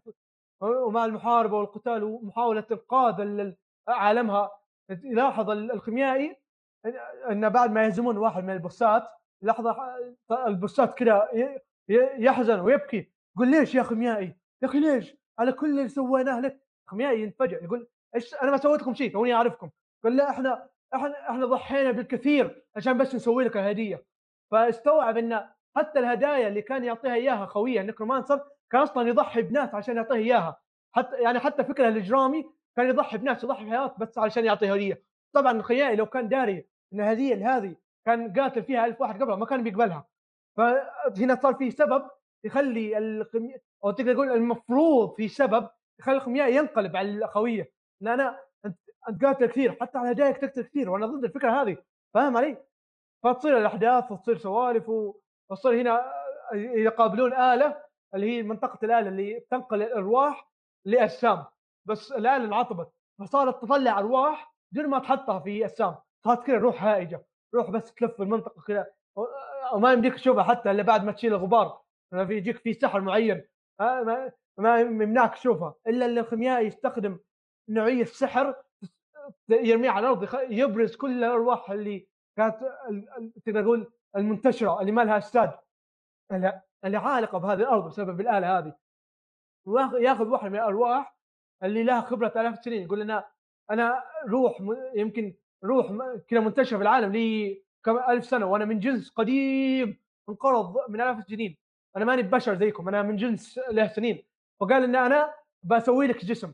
أسوي لك جسم جزازي حي جزاز حيث إنه يتشكل. تقدر تشكله سيف تقدر تشكله قبضة تقدر تشكله مطرقة. تقدر أهم شيء جسم مؤقت. تقدر تسكن الروح هذه بجسم جزازي عشان تساعدهم. وفعلا مع سوالف و- واحداث احداث احداث احداث طويلة ما ما أبي اتعمق فيها. يصير القتال الأخير ضد ال ضد ال necromancer. بس ال necromancer يقول لا أنا ما راح أقاتلكم. بس أنا بقى خليكم تقاتلون واحدة تعرفونها. اللي تذكر سيلينا اللي كانت متعاقدة متعاقدة مع هذا عشان يقول تبي القوة. مو Yeah. كان يقول أبي افقد الذاكرة. وأعيش حياة. وه- وهذه سيلينا قالت تبي قوة. وقال ها أنا أعطيتها القوة. وصارت صارت مسخ صارت زي زي ال Dweller. مسخ وضخم. وكانت حتى نست خلاها تفقد ذاكره ان هذول هذول كانوا أصلا أخوياها وكانوا كأبناء لها من قبل. وكانت فعليا داخل وقال أنا ما راح أقاتل معكم أنا بخليكم تقاتلون خويتكم هذه اللي كانت تبي القوة. فعلا قاتلوا وفي الأخير قتلوها لأن كانوا أصلا يبون ينتقمون منها. كيف أنت تخونيننا وتعيشين هذا؟ والحين بعدها تلقين تصيرين خوية عدونا اللي هو أصلا أنت خيانة عظمى هذه. فقتلوها فعلا. بعد ما قتل بس بعد ما قتلوها تقدر تقول أوقظت قوتهم قوة حكومه الشمس والقمر عندهم لأنه كانوا مميزين مميزين بس بس مميزين مميزين جدا حتى مميزين على على مدار المحاربين الثانيين. فقدروا يقول انه صاروا زي اللي يسمونهم أفاتار أو صاروا مو أفاتار اللي هو تقدر تقول وجه للحاكم صار كل قوة الحاكم هذا عنده الحين. فصاروا عندهم القدرة مو بس إنهم يتحكموا بشمس القمر صار عندهم القدرة إنهم ينتقلوا بين العوالم. العوالم اللانهائيه الآلاف صاروا يقدرون ينتقلون بين عالم ب- بلمح البصر بسبب القوة ال- ال- الخارقة اللي حصلوا عليها بعد قتالهم. بس إيش صار؟ بعد ما طبعا بعد ما أخذت قوتهم من القتال بعد قويتهم هذه اخذت قوتهم بدأوا يسمعوا أصوات. يسمعوا أصوات العوالم وهي تصرخ. مو بس العالم هذا اللي قاعد يعاني من النكرومانسر. هناك آلاف العوالم اللي قاعدة تعاني من النكرومانسر. فقالوا خلاص يعني هذا الوداع بيني وبينكم. ليش الوداع؟ لأن الحين صار بيننا واجب. الحين ما نقدر نسمع صراخ العوالم هذه كلها ونتركها لازم ننقذهم كلهم. وفعلا يفنون حياتهم كلها وهذه نهاية اللعبة طبعا. إن بعد ما تنقذ قدراتهم يرحلون عن عالمهم. ويبدون يت- يترحلون بين العوالم كلها ينقذون كل العوالم من صرخاتهم ومعاناتهم. ويستمرون هكذا للأبد للأبد في في معاناة جديدة للأبد سيقاتلون. سيقاتلون للأبد ما بدون أي كلل أو ملل. حتى بنهاية اللعبة بيطلع لك كاتسين بنهاية اللعبة كل الشخصيات اللي بتقابلها باللعبة من شخصيات كنت زي الكاتب بتلقى في واحدة كاتبة مؤرخة تلقى قصص زي زي بعض زي شخصيات التانية كلهم شياب كلهم شياب. الا خلاص تقدر تقول إنك قاعدين يقاتلون لهم مئات السنين. هذا حتى الشخصيات اللي كنت تقابلها في اللعبة كان NPC كنت لقيته يت- يطلع لك إنهم صاروا شياب. يعني مروا وقت طويل إنهم قاعدين يقاتلون. فهنا فهنا يتعلق الموضوع بلعبه Messenger تذكر Messenger كان مو كان قلت لك إنه في في حاجة غير- مرتبطة بالقصة. مو المفروض قصة The Messenger تجي بعد أحداث ال- القصة. المفروض أو على ال- المفروض تكون أو يمكن أنا كنت فاهم غلطان مو مو بعدها. لأن لو كانت بعدها فعلا كيف ان كيف العالم حق The Messenger يعاني؟ وأنت أنت الوحيد اللي تقدر توصل الرسالة عشان تنقذ العالم. وين المحاربين اللي اللي استيقظت قوتهم وصاروا ينتقلوا بين 700 عالم في لحظة؟ ليش ما يجون ينقذون العالم هذا؟ فاهم علي؟ فهمت علي ليش أشوف في عطب بالموضوع؟ يمكن لأن أحداث ذا أصلا صايرة قبل العالم يمكن غالبا قبل. أو يمكن في عوالم أخرى داخل هذه العوالم.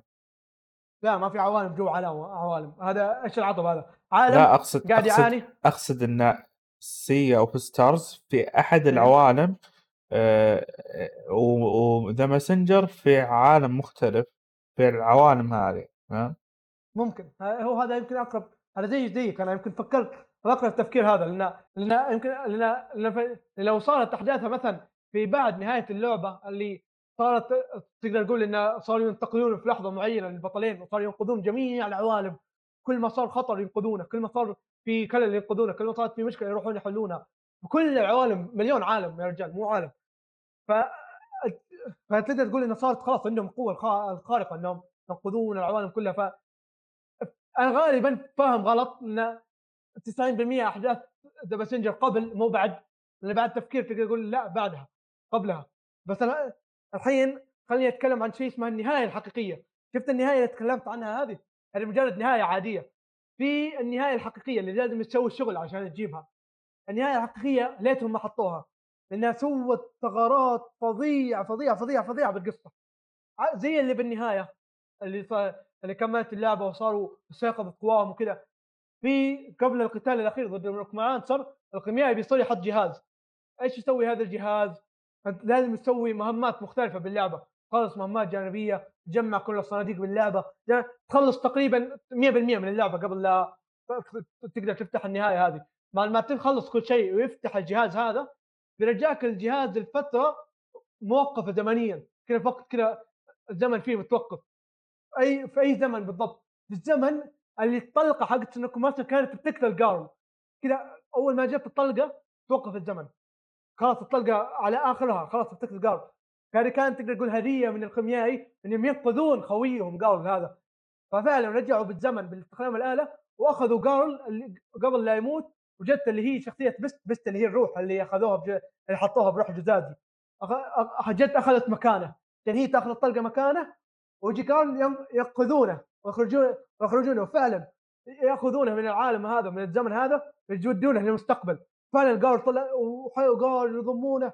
يعني أخيرا رجعناك للحياة وما أدري إيش. بس أنا اللي اللي سبب ثغرة هنا اللي ركز معي لأن إذا ما ركزت معي ما راح تشوفها غثره قال يقول إنه مات. قال يقول إنه فعلا مات وشاف الأشياء اللي ما بعد الموت بس إنه غير مسموح إنه يتكلم عنها. كيف انت كيف قال مات هم رجعوا بالزمن قبل لا يموت وأخذوه ودوه المستقبل. كيف كيف مات هنا بالضبط؟ هذا واحد هذا أول ثغرة فظيعة إنه كيف مات وهم رجعوا بالزمن قبل لا يموت أصلا؟ هم أخذوه رجع رجعوه بالزمن ودوه للمستقبل كيف يقول إنه مت فعلا وشفت الأشياء و... كيف مت؟ أنت هم ما مت أنت هم رجعوا بالزمن وأخذوه. هذا اولا. ثاني ثغرة هو قايل لك بست أخذت مكانه. فالحين الثغرة قبل لا يموت قال أعط... الخيميائي أعطاه السا... أعطاه وقت بالساعة لأن تسوي الشغل اللي تقدر عليه قبل لا تموت. حلو؟ الهدف. هل معناته ان بست هي اللي ماتت اللي ما أخذت مكانه. وأصيبت بالضربة أصيبت بالضربة قبل من قبل النيكرومانسر هل هي بست اللي سوت كل جا الشغل وبست هي اللي جتها كل هذه الرؤية بس هي اللي اللي تعاقدت مع السماويين وانقذت لأنه قال ناخذ من الماضي للمستقبل. الحين بست هي اللي قالت تعيش الأحداث مكان قال هل بست هي اللي سوت كل هذا كله؟ وقال ما كان له فائده قال ناخذ من أخذ من الماضي للمستقبل وفك كذا فك كذا يوم يوم بست يرجعونه بالماضي وتموت وتندفن مكان قارل يجيك بالمستقبل يوم يجي يسحبون قارل يوم تجي بست تأخذ مكانه وقارل يأخذونه للمستقبل. إيش يسوون؟ أول شيء يسوونه يروحون ينبشون قبر. جارل ليش؟ لأن لأن بيست هي المدفونه مكانه. هل معناته ان بيست هي اللي عاشت أحداث جارل هذه كلها اللي بعد قبل لا يموت انه تعاقدت مع السوونيين وانقذت العالم وودتهم من بحر النجوم ثم اندفنت. ثم الحين بالمستقبل يرجعون يطلعونها من قبرها اللي اللي مثلا ميتة فيه لها سنة. كيف كذا؟ هذا المصيبة لازم ان الحين صار في اثنين بس في العالم في العالم مو بس واحدة. الأولى اللي صارت من الأحداث إن الحين قالوا مات وراحوا العالم الثاني والعالم الثاني لقوا بس والحين جابوا لها جسم جزازي والحين رجعوا للعالم الحقيقي ورجعوا بالزمن الحين صار في اثنين بس البست اللي جابوها والبست اللي نبشوها من القبر. الحين صار في عطب عطب في ثغرات كبيرة جدا بالقصة. لا تعد ولا تحصى لو فكرت فيها شوي. فما ما رأيك بالعطب اللي قاعد تشوفه حاليا؟ ما أدري أكيد اللي لعبوا اللعبة هم اللي راح يقدرون يتناقشون معك فيها فممكن حتى تكتبون في التعليقات آه، رأيكم بالكلام اللي قاله حمدان يعني مثلا مثلا. وإيش تعليقكم عنه؟ اوصلت لك القصة. إيه. الكلام هذا صح اللي خاتم القصة بس خلني بما إنك عاطف أمها ما تبيها فخلني أشرح لك الحين. تخيل معي إن في واحد مات. أنت الحين في وقت الخالي ميت. طيب. فرجعت بالزمن فرجعت بالزمن وأخذته ووديته المستقبل. حلو. هذا ذاكرته إيش بتكون؟ هل تكون ذاكرته على وقت الماضي؟ بيقول ها وات فك إيش جابني هنا؟ بتقول له والله أنا سافرت من المستقبل مو صح؟ لأن أنت نقلت من زمن لزمن مو هذا الصح اللي بيصير. ما أنت وصفك ما ما ما أثق فيه. فلازم ألعب اللعبة أول بعدين احكي لا لا صدقني أنا متعمق في القصة بما فيه الكفايه أنا واحد فاهم بس برضو. واحد أقول لك أقول لك الحين. واحد ميت. أنت جات بالزمن ووديته للمستقبل. حلو. كيف؟ هو ما مات توه ما مات.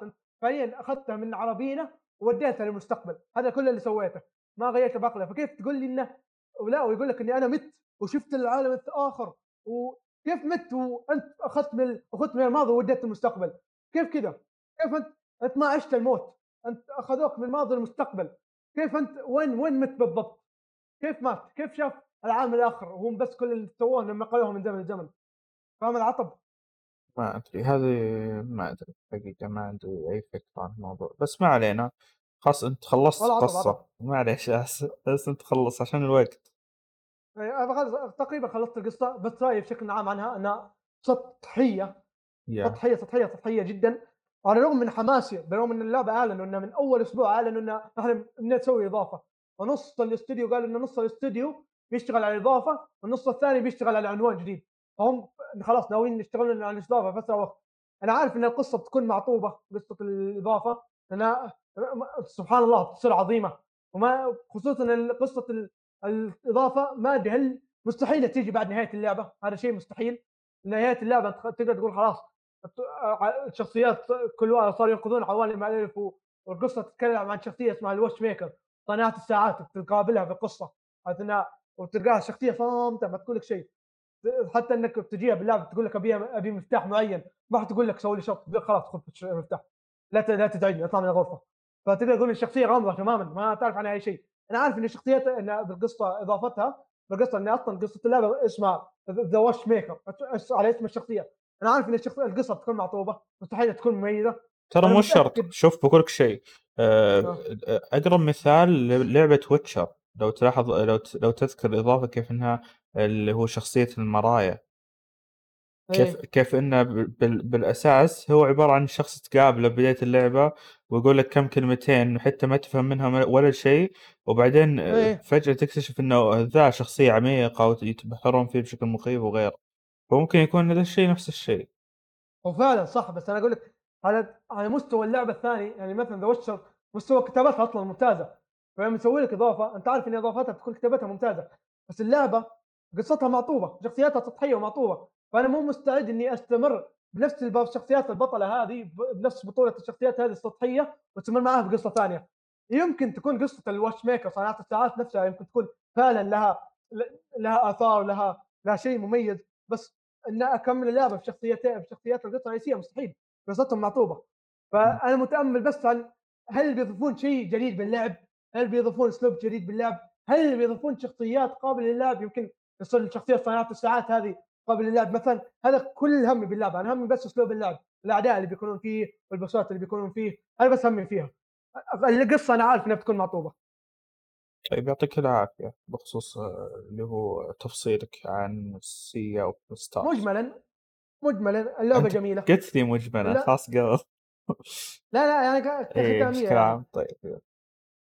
مجملا اللعبة تحتوي على أسلوب لعب مميز وافتتاحية لأي شخص يبي يدخل التصنيف بس مشكلتها وعيبها الوحيدة القصة. فما جميلة كأحداث غبيه كشخصيات هذه هذه أقدر أفصل لك القصة بشكل كامل. وبعد صح نسيت أذكر شيء سريعه المهم شفت في النهايه الحقيقية النهايه مو قلت لك بالنهاية بيقاتلون اللي هو سيليستيا اللي هي قويتهم هذه؟ Yep.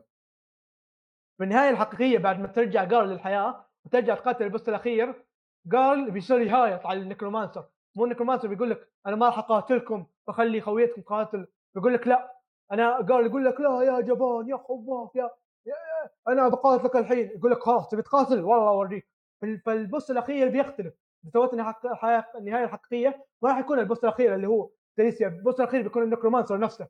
فعلا تدخل قتال طويل معه بكل قدراتك تغل تستخدم كل قدراتك العصب بالموضوع يوم خلاص بتهزمه وخلاص ال- المفروض إن الشخصيات تقتله خصوصا إن الشخصية الاساس هذا اللي اللي, جاية من عالمها العالم ثاني غربة عشان تجيب. محاربين عشان تقتل النكرومانسر اللي يسبب بالدمار إيش تسوي؟ بس تدفه وش تدري إيش الاسوء من ذلك؟ انه ما, ما يبون يقتلونه والاسوء من ذلك اللي يجي الخميائي اللي كان أصلا كارهه وكان بعد ما مستوعب اللي كان مسويه والهدايا اللي كان معطيها إياها والأرواح اللي كان مطلعها من الأجسام حتى هديه النسر اللي كان معطيها إياها كان مضحي بآلاف الأرواح. المفروض يكون غاضب المفروض يعني على الأقل ينتقم. إيش سوى؟ فتح بوابة ومد يده قال تعال تعال. ودخل البوابة ونحش من إنهم يقتلونه. كيف؟ إيه يا أخي يا أخي. لاست اوف أخي اس لا 2 تقابل إني- اللعبة؟ باختصار. إيش إيش؟ أقول اللعبه لاست اوف اس 2 باختصار. حر اسوء اسوء يعني يا أخي وين المشاعر؟ كيف كيف واحد سوى مجزره وكل اللي تسويه واحد ظالمك وظالم عالم ومدمر عالم وخليه سايبر بنك وخلاك تلطخ يدينك وخ- وخلى أخوياك وخلى اخويا يخونوك الاخير كل اللي تسويه تمد يدك وتساعده يا أخي كيف كذا؟ يا أخي بعدين قصة اللعبة معطوبة انت بتلعب القصة على اللعبة عشان اللعبة لعبة عشان القصة صفر من. عشرة عشان قصة والله ياخذ المطور. القصة صف... الصف... القصة سالب واحد من عشرة. هذا من الحين القصة سيئة و ك... كأحداث حلوة إن في أحداث وفي عالم وشخصيات وعالم بس كشخصيات زباله بما تعنيه الكلمة من معنى. حتى الزباله اللي جنبك الله يكرمكم هي هي أطهر من القصة هذه. طيب شكرا. خلاص يكفي يا أخي. طيب تبي تلعبها؟ لا خلاص؟ ما أبي ألعبها. طيب. خلنا يا رجال الحين ساعتين وتسع دقائق الحلقة. أول مرة تصير زي كذا. فخلنا نخلص. هي- نبي نتكلم عن آخر لعبة. قلت لك أبي تحت المجهر أنا أنت قلت هذا لا. هو. طيب خلاص هذا هو برضه الحين أنت سويت تحت المجهر. ساعة كاملة قاعد تتكلم عن اللعبة ترى.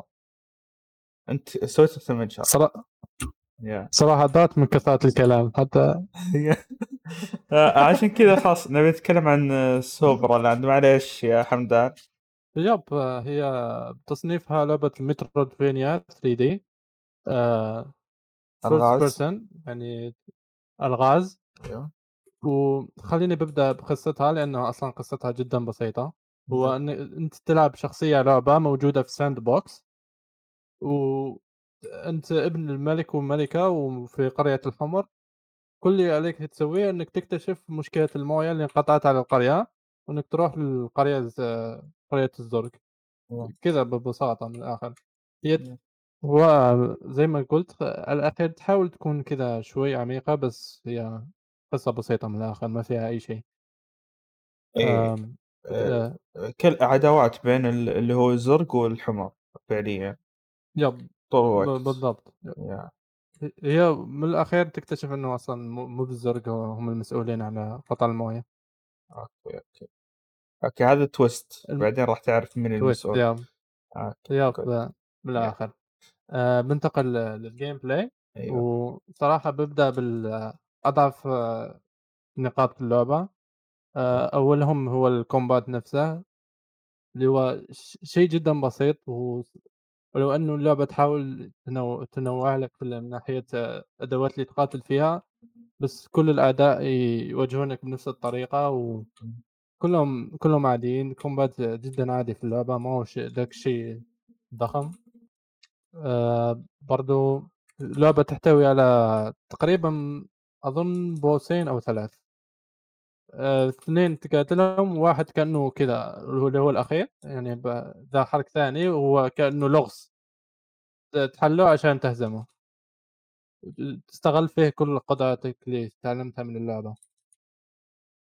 و يعني زي ما قلت لك القتال أصلا جدا بسيط فالبوسين اللي تقاتلهم آه، مملين صراحة ما فيهم أي شيء مميز أو آه، طريقة آه، تهزمهم فيها أسلوب بس آه، على اسلوب طول إيه. أو أفكار حلوة أسلوب مثلا م- يا. أفكار حلوة بس على طول آه، خليك ضاغط مربع مربع أو زر ال- اللي تضرب فيه وخلاص حتى. تقتلهم آه بنتقل للنقطة الثانية اللي هي استكشاف اللعبة واللي هو صراحة حلو موزعين آه الصناديق بشكل حلو وفي أماكن آه سرية يعني أول ما تدخل المكان يقول لك سيكرت بليس. وعلى حسب المكان آه، كيف مخبي تحصل القدرة أحسن. في في قدرة تحسن دمج حق السيف في قدرة تحسن دمج حق ال- اللي هو سلاحك آه، في قدرة في اللي تعطيك قدرة جديدة كاملة تساعدك في الألغاز واللعبة نفسها. فيعني موزعين بشكل كو... آه، اللي هو الاستكشاف يعني مكافئ للاعب. ما ما ممتع صراحة. طيب بخصوص وبرضو الألغاز مم. الألغاز وش مكافئ أو إيش ممكن تحصل من خلالها الألغاز الألغاز يمد... ب- بتحصل منها القدرات الأساسية في اللعبة اللي تحتاجها برضو هي اللي هي اللي تتقد هي أصلا أسلوب اللعبة بالشكل كامل هي اللي تخلّيك تتقدّم في اللعبة أكثر فأكثر. يعني حسب اللي ت فهمته لك آآ أو فهمته إي فهمت، فهمته منك إي بالأصح، إنه إمم. في نوع آآ في نوعين من القدرات الأساسية والفرعية. يب لأ و ومعظم الفرعية أصلًا تل بتلقاهم تقريبًا على نهاية اللعبة أو بعدها، يعني إيه. كذا بعد ما تخلّصها إذا تبغى يعني ت آآ تختم اللعبة بشكل كامل ب بتلقاهم وأنت وأنت طيب بطريقك. والصناديق اللي أنت تحصل عليها يا إنها تعطيك قدرات جديدة أو تلفل قدراتك السابقة صح؟ يب بالضبط. أوكي جميل. و وبرضه في فكرة إن المتاج المتجر برضه، حابب نتكلم عنه. ي يب المتجر هو يعني هو جزء من الق طريقة أخرى عشان تحصّل قدراتك الباقية. إمم. أو تلفل و قدراتك السابقة. يب بالضبط. أيوه. مثلًا عشان تخص تحصّل بعض القدرات المهمة، في براميل تلقاهم من خلال استكشاف المنطقة نفسها. ياه! ومنها ولمّن تحصّلهم كلّهم بتحصّل كل القدرات كل كل الأشياء من المتجر نفسه. جميل. طيب بخصو آآ أنت قُلت عمومًا إن العالم كيف إنه تقريبًا هو شِبه م عالم مفتوح بمفهوم الم العالم المفتوح طيب. يب. آآ إي و ومبني على ف أنت ممكن تدخل ل ل لمنطقة الناس الزرق والّا لأ؟ يمديك بس هي م أصلًا منطقة شوي صغيرة صغيرة ما تدخل لها تقريبًا إلا لمّا تتقدّم في اللعبة كثير. أنت معظم الوقت في الق القرية الحمراء. ياه! هو عمومًا اللعبة لها جزئين آآ الج هو يت اللي هو ماريو يتكلم عن أو مسعود يتكلم عن الجزء الأول، لأن في جزء ثاني ما أدري إيش اسمه كان؟ آآ س 6 inch inside ش ش شيء زي كذا. ونفس الشيء. يتكلم عن القرى هذه والّا إنها مكمل الأحداث لأ. السابقة والّا كيف؟ والّا لا، لا شيء ثا شيء مختلف تمامًا. أظن إنه يتكلم عن المستكشف تحت الأرض. إيه، بس إنه نفس ال العالم تقريبًا ونفس فكرة ال ال اللعبة ألغاز و ومن ذا السوالف صح؟ يب يب نفسها. okay، okay. طيب الموسيقى والمؤثرات الصوتية؟ والله صراحة يعني مو مو ذاك الزود. تقريبًا لكل كل منطقة تستكشفها فيها موسيقى هادية جميلة. تقريبًا ما حبيت إلا يمكن 2 أو 3 إمم. مؤثرات برضه ما هو شيء كبير مؤثرات عادية. ياه! يعني الم عمومًا الموسيقى والمؤثرات ما هو من نقاط ال اللعبة القوية. طيب المش الأمور التقنية كيف استقرارها ووضعها؟ يعني كويسة كنت ألعبها على settings ف أعلى شيء تقريبًا frameات ي يمكن كان 70 ت إلى 90 frame. وش كرت الشاشة أظن حقك؟ 1660 سوبر. إمم. ما أظن إن اللعبة متطلبة لذيك الدرجة هذه. صحيح. طيب ما واجهت مشاكل تقنية؟ لا ما ما واجهت. لعبتها على الPC صح؟ من خلال كلامك واضح. إمم. yep لعبتها على الPC. إمم. اللعبة برضه موجودة على تقريبًا أغلب المنصات موجودة تصدق؟ yep كلها، حتى كلها Xbox موجود. بلايس ال Switch موجودة. إمم. ما أدري الPlayStation برضه موجودة والّا لأ، بس آآ بلا موجودة، PC موجودة PlayStation بلاي وSwitch آه. إيه. PlayStation موجودة PlayStation 4. okay good good. بس أتوقع هذا آخر ص. صح؟ والّا في شيء جديد بتضيفه على اللعبة؟ ب برك فقط راح أتكلم آآ أكثر شيء أصلًا حببني في اللعبة اللي هي اللي هو الألغاز. صحيح. صراحة ألغاز إبداع إبداعية جدًا. مرة تخلّيك جد تشغّل م مخك لآخر شيء. برضه إذا كنت شوي محتار في اللغز في شخصيات أصلًا تعطيك هنتات كذا م لمن تقرا كلامهم. فعليًا ألغاز جدًا إبداعية والقدرات نفسها هي أ أفضل شيء لما لمن يستغلونها في الألغاز أكثر من الكومبات أو الأشياء الثانية باللعبة. فعليًا فعليًا إذا الواحد جاي يلعب اللعبة يلعبها عشان الألغاز أكثر شيء. إيه غير كذا يعني ج ب بقية الجوانب ما هم شيء توب صراحة. بخصوص ال أسلوب ال الألغاز حقها إذا أنت لعبت س اللي هو slime launcher أحس إنه نفس الفكرة تقريبًا مع اختلاف كبير في التطبيق. إمم، أظن ما ما لعبت سنايب لانشر بس من قبل فكرة أظن إنها قد شفت فعليا عبارة عن نفس الشيء. آه، الغاز ممكن تحلها في وسط هذا العالم غير اللي هو مزرعة السميمات اللي أنت تسويها. برضو إن الالغاز اللي أنت تسويها تطور من قدراتك تحسن منها عشان تنجز أكثر. فهمت علي؟ يب فاهمك. فهنا الفكرة يعني. وهذا يخليك تفتح عوالم أكثر يخليك تزرع سميمات أكثر. فهنا الموضوع. برضو بتكلم يا خلفية ترى يا. فإي تبي تتكلم عن إيش الحين؟ برضو بتكلم على ال 100% يعني عشان ختمتها 100% تقريبا ما في ما في ذاك الشيء الكبير من ناحية 100% هي معظم الوقت أنا اعتقدت إنه يمكن تكون في ألغاز زيادة بس يمكن ما حليت إلا لغزين زيادة بعد ال... بعد ما خلصت اللعبة. يا. ويعني ما أظن إنه جدا يستاهل إنك تروح عشانها إلا إذا كنت يعني زي تبغى تخلصها. ذاك الشيء. بس بشكل عام تنصح الناس إنهم يلعبونها و... وتشوفها ممتازة. يب. هي أكثر شيء إذا ت- تحب الألغاز أنصح فيها بشدة.